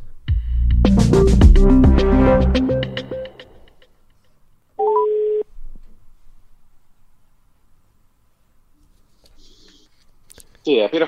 Ja, hej Peter, du er i radioen i Den Uafhængige. Godmorgen. Godmorgen, Asger. Godmorgen. Nå, hvor er du henne? Jamen lige nu sidder jeg på en øh, sådan en mærkelig træbænk lige uden for øh, retslokalet i, øh, på, på retten i Frederiksberg. Så jeg er på spring til at hoppe ind og øh, følge med i resten af de afhøringer, der skal være i dag. Du er politisk reporter for BT, så tusind tak til, til BT for, at vi må, vi må ringe til dig selvfølgelig. Øhm, hvad er det, der skal ske i Mink-kommissionen i dag? Jamen, i dag må man jo sige, at øh, pulsen skal måske en lille bitte smule længere ned, end den, end den var i går. Altså, i dag skal vi høre fra en række øh, hvad kan man sige, centrale embedsfolk fra henholdsvis Finansministeriet og Statsministeriet her blandt øh, Sarah Sørensen, som er foranværende særlig rådgiver for, for Mette Frederiksen, hun stoppede her for ikke så forfærdeligt længe siden for faktisk at hoppe ned til Martin Rossen i, øh, i øh, Grundfos, øh, eller så Dannefoss, hvor han jo øh, skiftede til. Så, øh, men hun har, har været meget, meget tæt på Mette Frederiksen igennem flere år, og, øh, og, var, og var det også på det her tidspunkt under Mink-sagen i, øh, i 2020. Men derudover skal vi så også høre fra Nick Hækkerup, som jo var justitsminister, øh, og er justitsminister, men på, på det tidspunkt der lå han syg øh, under Mink-sagen med corona. Så øh, det bliver spændende at se, hvor meget han egentlig kan fortælle om, øh, øh, hvad der skete dengang. Er han ankommet? Øh, ikke nu, han skal først øh, afhøres her kl. 13. Okay. Okay. Hvad er det interessante ved Hækkerup? Altså, øh, hvis han alligevel lå syg der med corona, øh, synes du, det er spændende, hvad han vil sige? Altså, vi, vi har stået herinde her til morgen og, og snakket lidt om sådan præcis, hvad er det nu egentlig, han kan, han kan fortælle. Men det er jo hans ministerium, der øh, for så vidt er ret central øh, aktør i, i hele det her lidt sparede spil om, hvor, øh, hvor man kan placere ansvaret for øh, den manglende lovhjemmel. Øh, som vi hørte på Barbara Bertelsen, statsministeriets øh, departementchef i går, så er hun jo ret klar i spyttet om, at den øh, ligger hos Fødevareministeriet, altså det ressortministeriet, som, som står for eksekvering mm. af, af den her gældende lovgivning. Men altså, Justitsministeriet har jo været fedtet ekstremt meget ind i kan man sige, vurdere, hvorvidt der har været øh, hjemmel eller ej, og har været meget involveret i det spil, der er foregået mellem mm. ministerierne under minkforløb. Ja, Prøv, altså, jeg, der, jeg, jeg tror, jeg har sådan også tabt sådan det helt store overblik over min kommissionen. det, det tror jeg faktisk, de fleste har. Altså, det er sikkert dig og en håndfuld andre, der ligesom har en eller anden form for overblik. Så hvis du ligesom skal lave en status nu med Mink-kommissionen, øh, hvad er den så? Altså, hvad er sådan øh, overskriften på øh, alle de afhøringer, der har været indtil videre? Altså, det, det er selvfølgelig svært, fordi vi, øh, jeg, havde, jeg ville ønske, at vi kunne sige, at vi var halvvejs, men øh, der bliver bare flere og flere afhøringer, og det, det udvikler sig hele tiden, øh, hvem der skal ind. Men altså, der hvor vi står lige nu, der er vi stadig kommet et langt stykke vej øh, for at finde ud af præcis, hvad var det, der foregik til det helt afgørende møde i koordinationsudvalget 3. november. Hvad var det helt præcis, der blev sagt inden til mødet? Hvad var det, og måske endnu vigtigere, hvad var det, der ikke blev sagt? Altså, vi begynder at få tegnet et billede af, at der var altså grundlæggende nogle embedsfolk, som til det møde måske ikke øh, larmede nok eller gjorde opmærksom på, at øh, der rent faktisk var en diskussion internt i centrale ministerier, øh, nemlig øh, i øh, fødevare, øh, det daværende Miljø- og Fødevareministerium, og at Fødevarestyrelsen øh, jo ikke mente, at der var lovhjemmel øh, til at slå alle danske mink ihjel, i hvert fald ikke eksisterende øh, lovgivning, altså det krævede en hastelov.